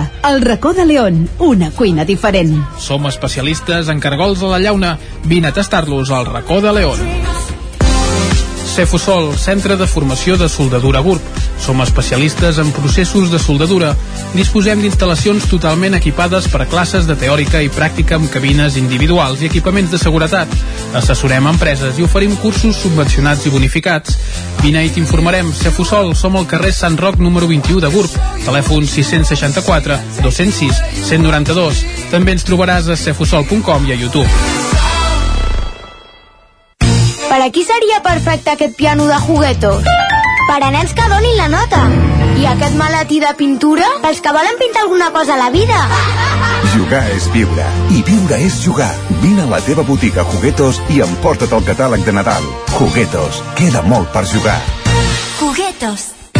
A Corretja tenim tot el que necessites per la teva llar. Tot tipus de paviments i revestiments, sistemes d'aïllament, cobertes, parquets, aixetes, ferreteria, pintures, fixació i cargoleria, vestuari i material de seguretat. Disposem de més de 3.500 metres quadrats d'exposició amb una nova zona exterior d'aïllaments. A Corretja som especialistes en cuines i banys. Us assessorem, dissenyem i realitzem el projecte des de l'inici fins a la fi del muntatge. 100% cuines, 100% banys. Al carrer Mas Vigues 8 de Vic, a corretja-sl.com o a Instagram. 100% materials per la construcció i la decoració. 100% corretja. Corretja us desitja unes bones festes. Saps què és el confort intel·ligent? És tenir un terra radiant Giacomini a casa. Benestar que no es veu, però es nota tot l'any. I que pots controlar a distància des del teu mòbil, estalviant energia i diners. Suma't al confort intel·ligent amb Giacomini. Informa't a giacomini.es o truca al 93 884 1001 i t'ajudarem a tenir un terra radiant a casa o a l'oficina. Giacomini, la climatització que et mereixes. El nou FM, el nou FM, el nou FM, el nou FM, el nou FM. Territori 17. A Tren d'Alba. Cada dia els usuaris de la línia R3 de Rodalies que veuen sortir el sol des d'un vagó ens expliquen les gràcies i les penes del primer comboi que uneix Ripoll i Barcelona. Benvinguts a Tren d'Alba. Ahir va haver-hi força serau amb l'R2 i l'R2 nord i sud per una incidència a les instal·lacions de Castelldefels i la circulació només es podia fer per una sola via amb afectacions superiors a l'hora, tot i que hi ha algú que ens va dir que directament no passaven. Més que res que ens han fet baixar clot perquè el- s'han parat els trens i per megafonia han dit tal qual que no circulaven, que hi havia una incidència a Castelldefels i els trens de l'R2 que anaven cap a Barcelona no circulaven i hem anat tots a buscar el metro. Si ahir els trens anaven gaire bé, avui el bus no ha volgut ser menys, com ens explica la Glòria Francolí. Hola, molt bon dia, aquí la Glòria, de Barcelona. Avui el bus ha tornat arribat 8 minuts i això ha fet que perdés la connexió i per tant he arribat 5 minuts ara a Barcelona. Això és desesperant, això del transport del tren seriosament sembla desesperant i no res, perquè clar que he fet una queixa formal a, a Mansagalés perquè revisin a veure què està passant amb aquest bus. Jo la veritat és que fins ara, tampoc fa tant que el faig servir, no havia anat sempre bé, però dos dies seguits que arribi tard. Primer de tot va agafar molta mala lluna i en segon part, clar, arribes tard a la feina. Sí, no és acceptable i això és el que els he dit. A veure si em contesten i a veure si té el tema millor. No res, aquest matí de molt mal humor, com us podeu imaginar. Segur que millorarà, eh? Segur. Ara no volia que baixi amb mal rotllo la, la crònica. Segur que millorarà el dia. Espero que el vostre comenci millor que el meu. Vinga, que vagi bé, adéu. Haurem d'anar-hi en cotxes particulars, elèctrics i voladors, perquè el trànsit encara ens faria la guitza. Va, ens retrobem demà amb més històries del tren i de la R3. Territori 17.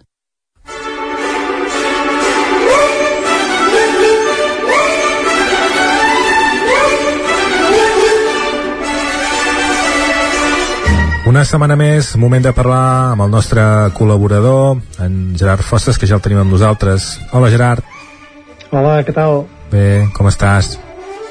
Uh, doncs bé, ara justament uh, confinat voluntàriament per qüestions de contactes directes d'aquests de Covid, però bueno, la, Ah, sí? la loteria de Nadal que arriba abans d'hora. Mm, Bé, vaja, doncs això que... Clar, d'aquí 10... Són 10 dies? Uh, sí, sí, sí.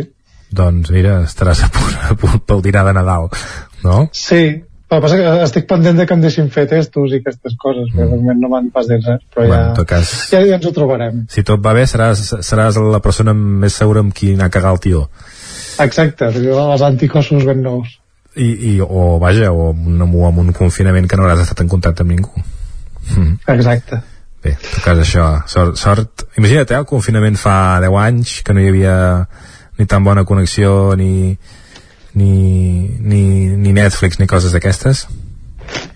Sí, malauradament. Passa que també això vol dir que si, si realment acabo tenint Covid no podré anar a veure d'estrena les pel·lícules d'aquesta setmana que em fa ah. bastanta ràbia perquè sobretot la primera és de les més esperades de l'any i és d'aquelles que, que pots menjar-te spoilers fàcilment per, per xarxes socials. Doncs va, va, arrenquem amb aquesta. Amb aquesta. Explica'ns. Anem a parlar-la. És una pel·lícula de Marvel que es titula Spider-Man No Way Home. Desde que me picó aquella araña, solo he tenido una semana en la que mi vida me ha parecido normal. Y fue cuando tú lo descubriste.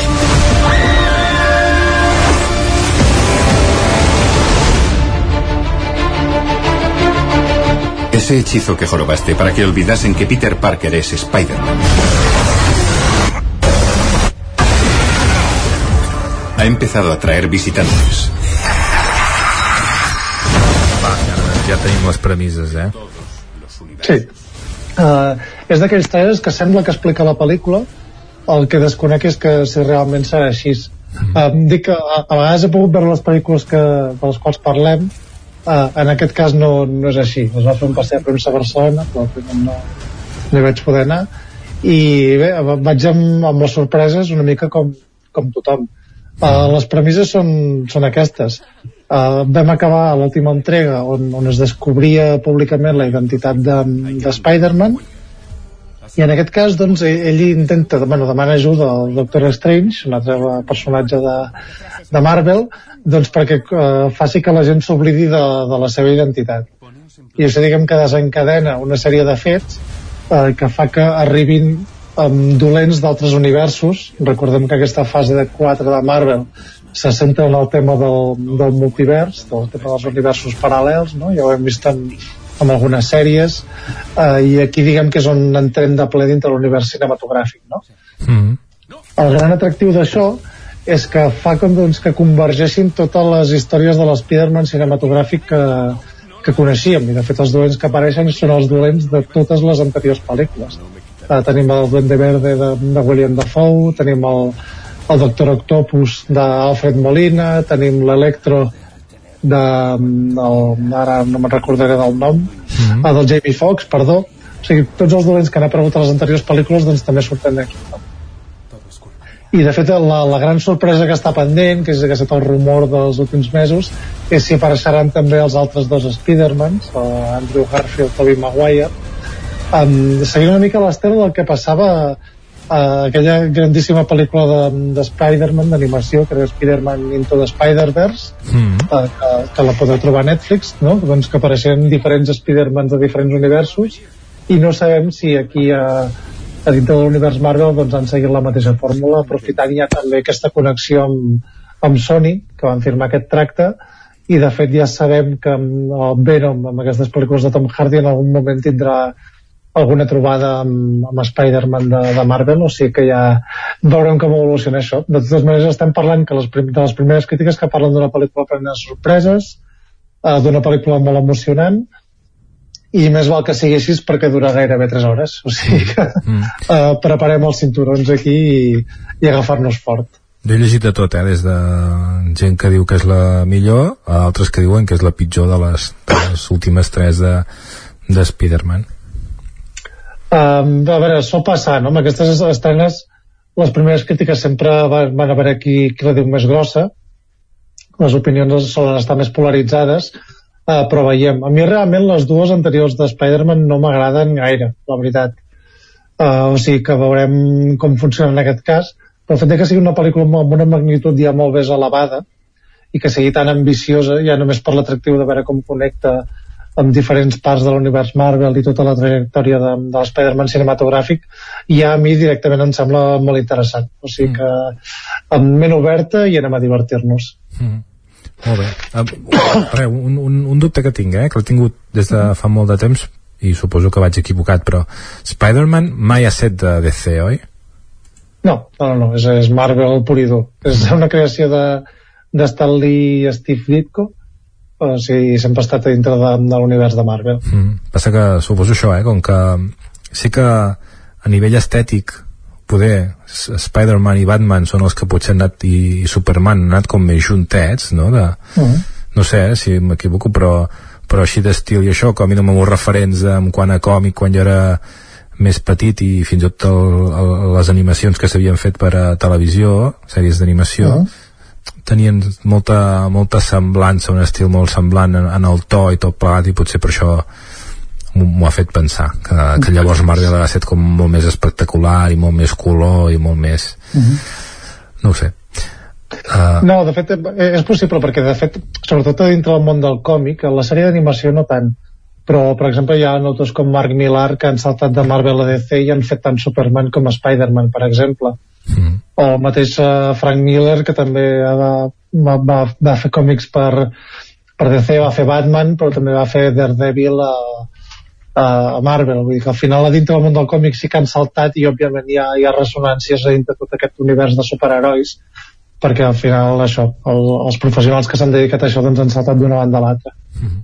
Molt bé, perfecte. Doncs deixem Spider-Man que per cert es podrà veure evidentment eh, al cinema Sucre i al cine de Granollers com a pel·lícula d'aquestes grosses. Sempre no, no fallen aquestes, en, aquests, en aquest parell de, de cinemes. Què més? No, no, i bé, a més a més deixa'm dir que en múltiples formats, perquè la tenim en castellà, la tenim en 3D i la tenim en versió original. Mm. O sigui que cadascú es pot triar l'opció que li agradi més. En, en català no, eh? En català no. No, no. Els, els de Marvel de moment no s'han traduït al català. Mm. I es poden fer permutacions? Es pot veure en castellà en 3D, en anglès en 3D? Uh, no, crec que la versió original és sense 3D ja, o sigui que és una mica més marginal i sí que en castellà sí que el podem trobar en 3D o, o normal. Mm, um, feia broma, eh, tampoc. No sí, no, i com sempre 3D no serveix per res, per tant aneu a veure la normal o Exacte. en versió original en castellà, com vulgueu mm. molt bé, ara sí uh, anem a per la següent, que també es pot veure el Sucre i el Rocine. Sí, és l'altra estrena destacada de la setmana, en aquest cas és uh, una comèdia familiar de factura espanyola, uh, dirigida per per, per Dani de la Orden, que, que és conegut eh, sobretot eh, per, això, per, per les seves comèdies, també ha participat a, a Elite, és l'autor també de Barcelona nit d'estiu, Barcelona nit d'hivern, i ara arriba amb una comèdia negra, que és un remake d'una comèdia francesa. Es titula Mamà o Papà. A ver, nos hemos reunido aquí papá y yo porque En esta familia nunca nos mentimos ni nos ocultamos nada. En principio, vaya. Nos hemos reunido para vale, deciros que, que, nos separamos. Nos Hermana secta de Médicos Sin Fronteras, me voy a África. Que os vais a Rusia, cinco meses, en enero. Disculpe, no lo entiendo. ¿Quién se va? Yo. Yo. ¿Y quién quiere la custodia de los niños? Ella. O se ponen de acuerdo de una vez o serán los niños quienes decidan.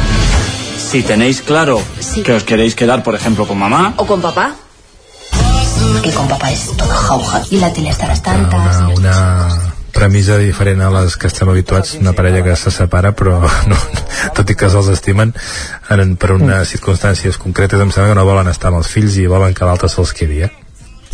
Sí, exacte. És...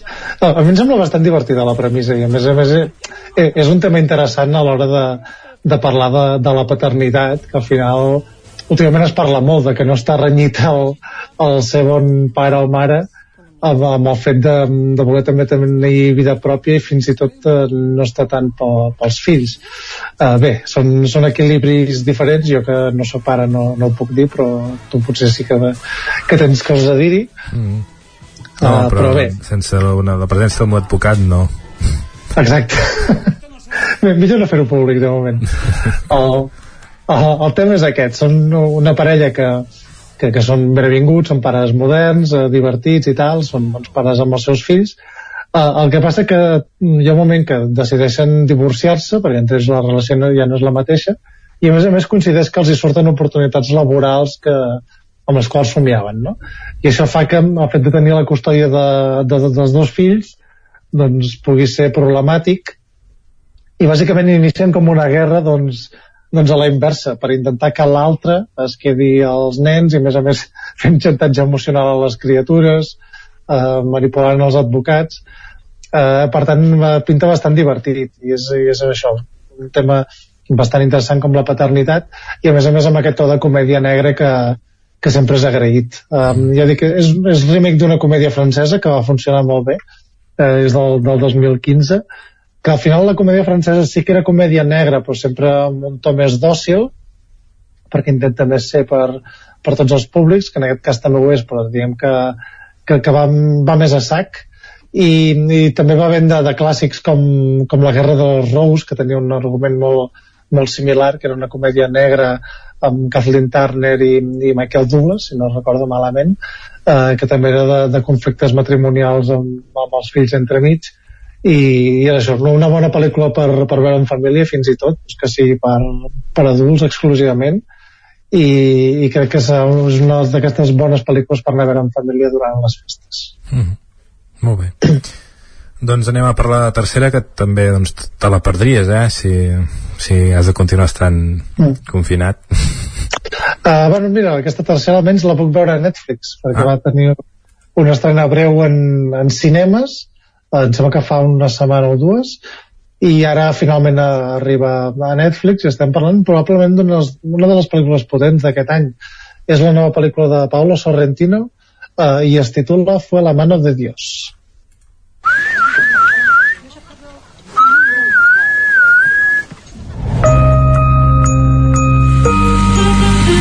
Amore, non correre! Non ti preoccupare, va! Ti sei fatto grande. Guarda tua madre. Hi ha una família molt ben, molt ben avinguda, els pares ja una miqueta grans i mm. tot sobre rodes fins que passa alguna cosa, eh?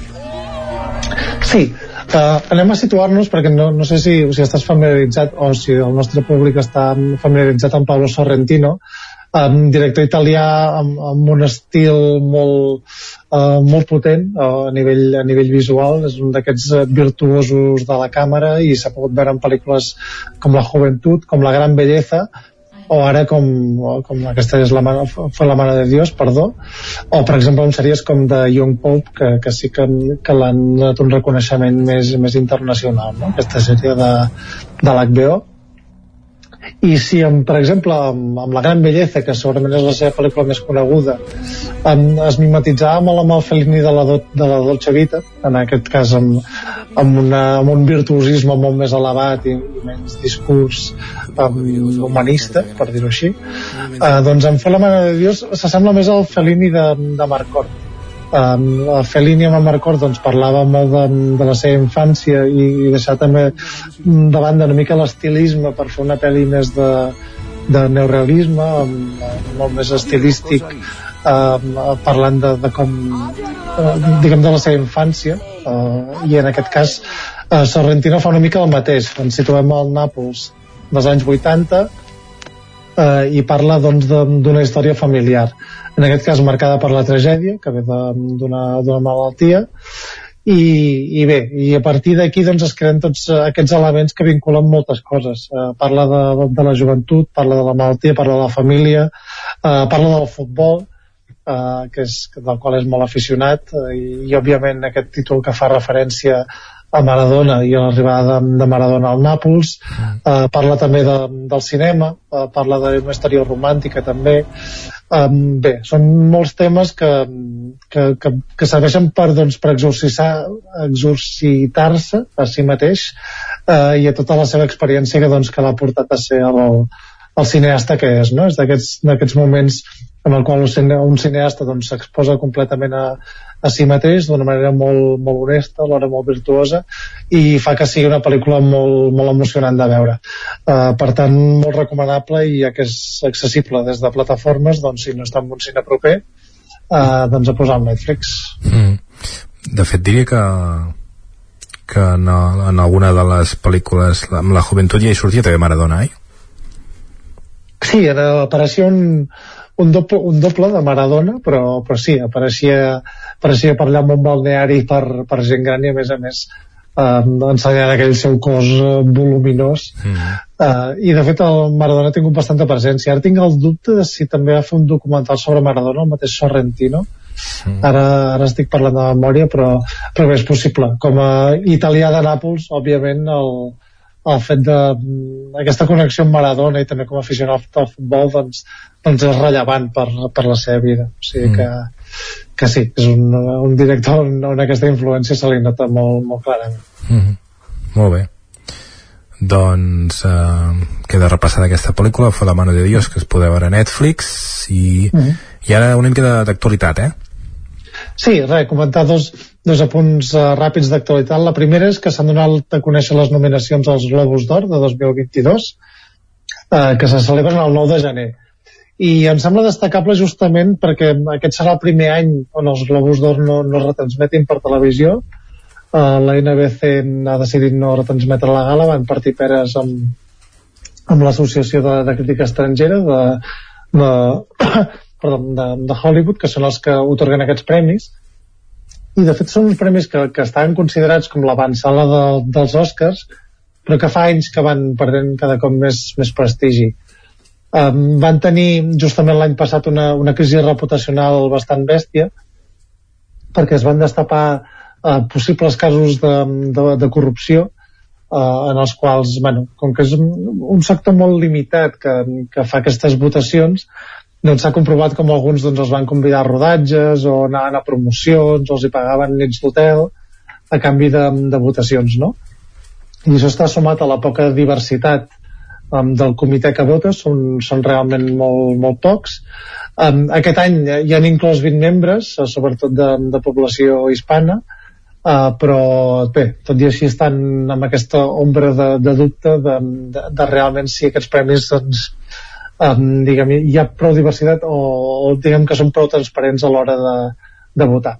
I ha passat com, per exemple, companyies grans com, com la Warner Bros., com Netflix, com Amazon, han retirat el suport d'aquests premis, no han fet gens de campanya per, per tenir nominacions, cosa que no vol dir que no les tinguin. Perquè, per exemple, la, la favorita en cinema és El poder del perro, pel·lícula de la qual ja hem parlat aquí, que precisament és de, de Netflix, eh, que està nominada a les màximes categories de pel·lícula, direcció i interpretacions, Uh, I a nivell de televisió sí que hi ha uns, també uns favorits clars, que és en la categoria drama tenim Succession uh, i en la categoria comèdia la sèrie de Only Murders in the Building. I per últim destacar també que Madres Paral·leles de Pedro Almodóvar doncs, ha tingut dues nominacions, en aquest cas com a millor pel·lícula estrangera i com a millor banda sonora per, per la feina d'Alberto Iglesias. Molt bé. També tema d'actualitat, eh, doncs la mort de, de Verónica Forqué, no sé si em vols destacar alguna cosa. Sí, només, a més és un tema delicat, perquè pel, pel que s'ha dit eh, es va suïcidar, eh, no sé si si s'ha confirmat al 100% o no, perquè tampoc he volgut seguir gaire més la notícia, uh, i bé, destacar doncs, la, la carrera d'aquesta actriu uh, amb tanta personalitat, mm, ja no pel, pel, també pel prestigi que ha guanyat en premis teatrals, també guanyadora de tres premis Goya, la seva trajectòria amb Almodóvar, sobretot, uh, però sobretot per, em destacaria aquesta personalitat, com aquesta barreja o aquest equilibri en saber actuar doncs, al límit de l'alegria, però també o, al límit del drama, no? I això és una mica també el que ha marcat la seva vida. I ara, arran de la seva mort, eh, sobretot si ha estat per suïcidi, es parla molt sobre un altre cop la salut mental, la depressió, i molt lligat també a aquesta seva presència, que jo no sabia, el, el concurs de, de Masterchef, mm. uh, en la qual doncs, ha rebut uh, moltes crítiques, molta burla a través de, de xarxes socials, també durant el programa, i, i clar, uh, es parla molt ara d'aquesta exposició de, ja sigui de personalitats o, o de gent més anònima en, en programes televisius, en xarxes socials, sobre això com pot afectar realment a, a algú fins a, fins a límits de causar-li depressió o en aquests casos ja més greus doncs, d'arribar al suïcidi no? Mm. com que les causes no són clares mm, també més val no opinar mm. però sí que està bé que es coneguin els fets com a mínim perquè cadascú pugui fer les seves reflexions ja mm. que a vegades encara que sigui un nivell més petit doncs també fer un tuit un, un, o crear un meme de, de certa persona, fer-li un gif doncs eh, pot portar repercussions que se'ns poden escapar de les mans. Mm. A, mi sempre m'ha agradat com a actriu, però també una cosa que s'ha de destacar és, uh, és aquell doblatge nefast en castellà dels pitjors mm, doblatges uh, d'una pel·lícula professional que va fer del, del Resplendor. Uh, era de la Verónica Forqué el, el, sí. el doblatge? Sí, sí, sí. Doncs pues mira, uh, mal fet. Sí, sí, sí. sí que d'això ara, ara ens sap menys greu no, no, és una anècdota només eh? Molt bé. Seguim, fem un repàs a la, a la cartellera dels, dels territoris de, dels nostres territoris, de territori 17, eh, Ripoll, Cazafantasmes massa allà, la vam, en vam parlar també, no sé si la setmana passada o en fa dues. Sí, fan parell, és uh, seqüela això directa de Caçafantasmes 2, a més a més amb, amb una connexió uh, molt evident amb, amb les pel·lícules anteriors, ja que el, els protagonistes d'aquesta saga, que són nens, no? Mm. com diguem, tornem als anys 80 rotllo Stranger Things um, són nets d'un de, dels caçafantasmes concretament de, de Ligon Speckman que és del de, Harold Ramis que, que es va morir no? i és, és molt bonic l'homenatge tant que es fa al cinema dels 80 com, com els caçafantasmes originals uh, i realment és una magnífica seqüela que alhora funciona com, per si sola com a, com a reboot uh, per tant, molt recomanable anar-la a veure amb tota la família molt bé, i avui ho farem diferent perquè hi ha una pel·lícula que es fa gairebé a tot arreu, que és Xavales, sí. que es fa al Cinema sí. Catalunya de Ribes, a l'Esbarjo de Cardedeu, a l'Alter de Torelló i al Gràcia de Manlleu. Sí, és allò que a vegades passa amb el cicle Gaudí, no? que mouen una sèrie de pel·lícules i en aquest cas la, la que arriba al nostre territori doncs és Xavales, per tant eh, poques excuses per no anar-la a veure. Uh, és una pel·lícula de la debutat, directora debutant en llargmetratge, el Rodríguez, que, que diguem que adapta un curtmetratge seu de fa 3 o 4 anys en el llargmetratge uh, i és una pel·lícula que també en vam parlar quan, quan es va estrenar uh, són sobre quatre noies adolescents que, que es retroben al, al seu barri i di, diguem que és, que és com un retrobament i una revisió d'aquesta amistat um, després del pas d'uns quants anys no? ja que havien set amigues de la infància eh, cadascun ha passat eh, camins una mica diferents i aquest retrobament doncs, posa a prova una mica la, les seves relacions d'amistat. Eh, és una pel·lícula um, tragicòmica amb molt de caràcter costumbrista i que parla molt també sobre aquest context de eh, ciutat i extraradi, no? sobre com són dues realitats molt properes i alhora molt diferents, però una pel·lícula molt, molt atractiva de veure i que malauradament tampoc ha tingut massa protagonisme dintre les nominacions de, dels Premis Goya.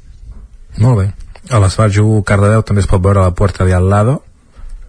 Sí, una pel·lícula que és el debut a la direcció també de, de Daniel Brühl en aquest cas un actor molt, molt prolífic mm. bastant conegut i que ha treballat amb, amb tot tipus de directors i tot tipus de, de cinemes uh, i en aquest cas debuta dirigint una, una comèdia negra uh, que passa en un sol espai que és un bar i on, on diguem que eh, Daniel Bruce apareix també com a actor i s'interpreta una mica a si mateix, eh, entre cometes, eh, perquè fa d'un actor que es diu Daniel, que viu a Berlín, eh, com, com Daniel Bru, bàsicament, eh, i doncs que un dia surt per, per anar a fer un càsting per una pel·lícula de, de superherois, no? es para amb un bar a fer la copa i allà es troba amb el seu veí, el qual no, no coneix directament, però comencen a xerrar i veu que, que aquest veí té molta informació sobre ell, sobre la seva vida, sobre la seva família, i a partir d'aquesta conversa doncs, es desenvolupa un thriller psicològic eh, molt ben escrit, sobretot, òbviament, amb, amb, amb uns aires molt teatrals, perquè tot passa en una sola localització, són tots actors, bàsicament,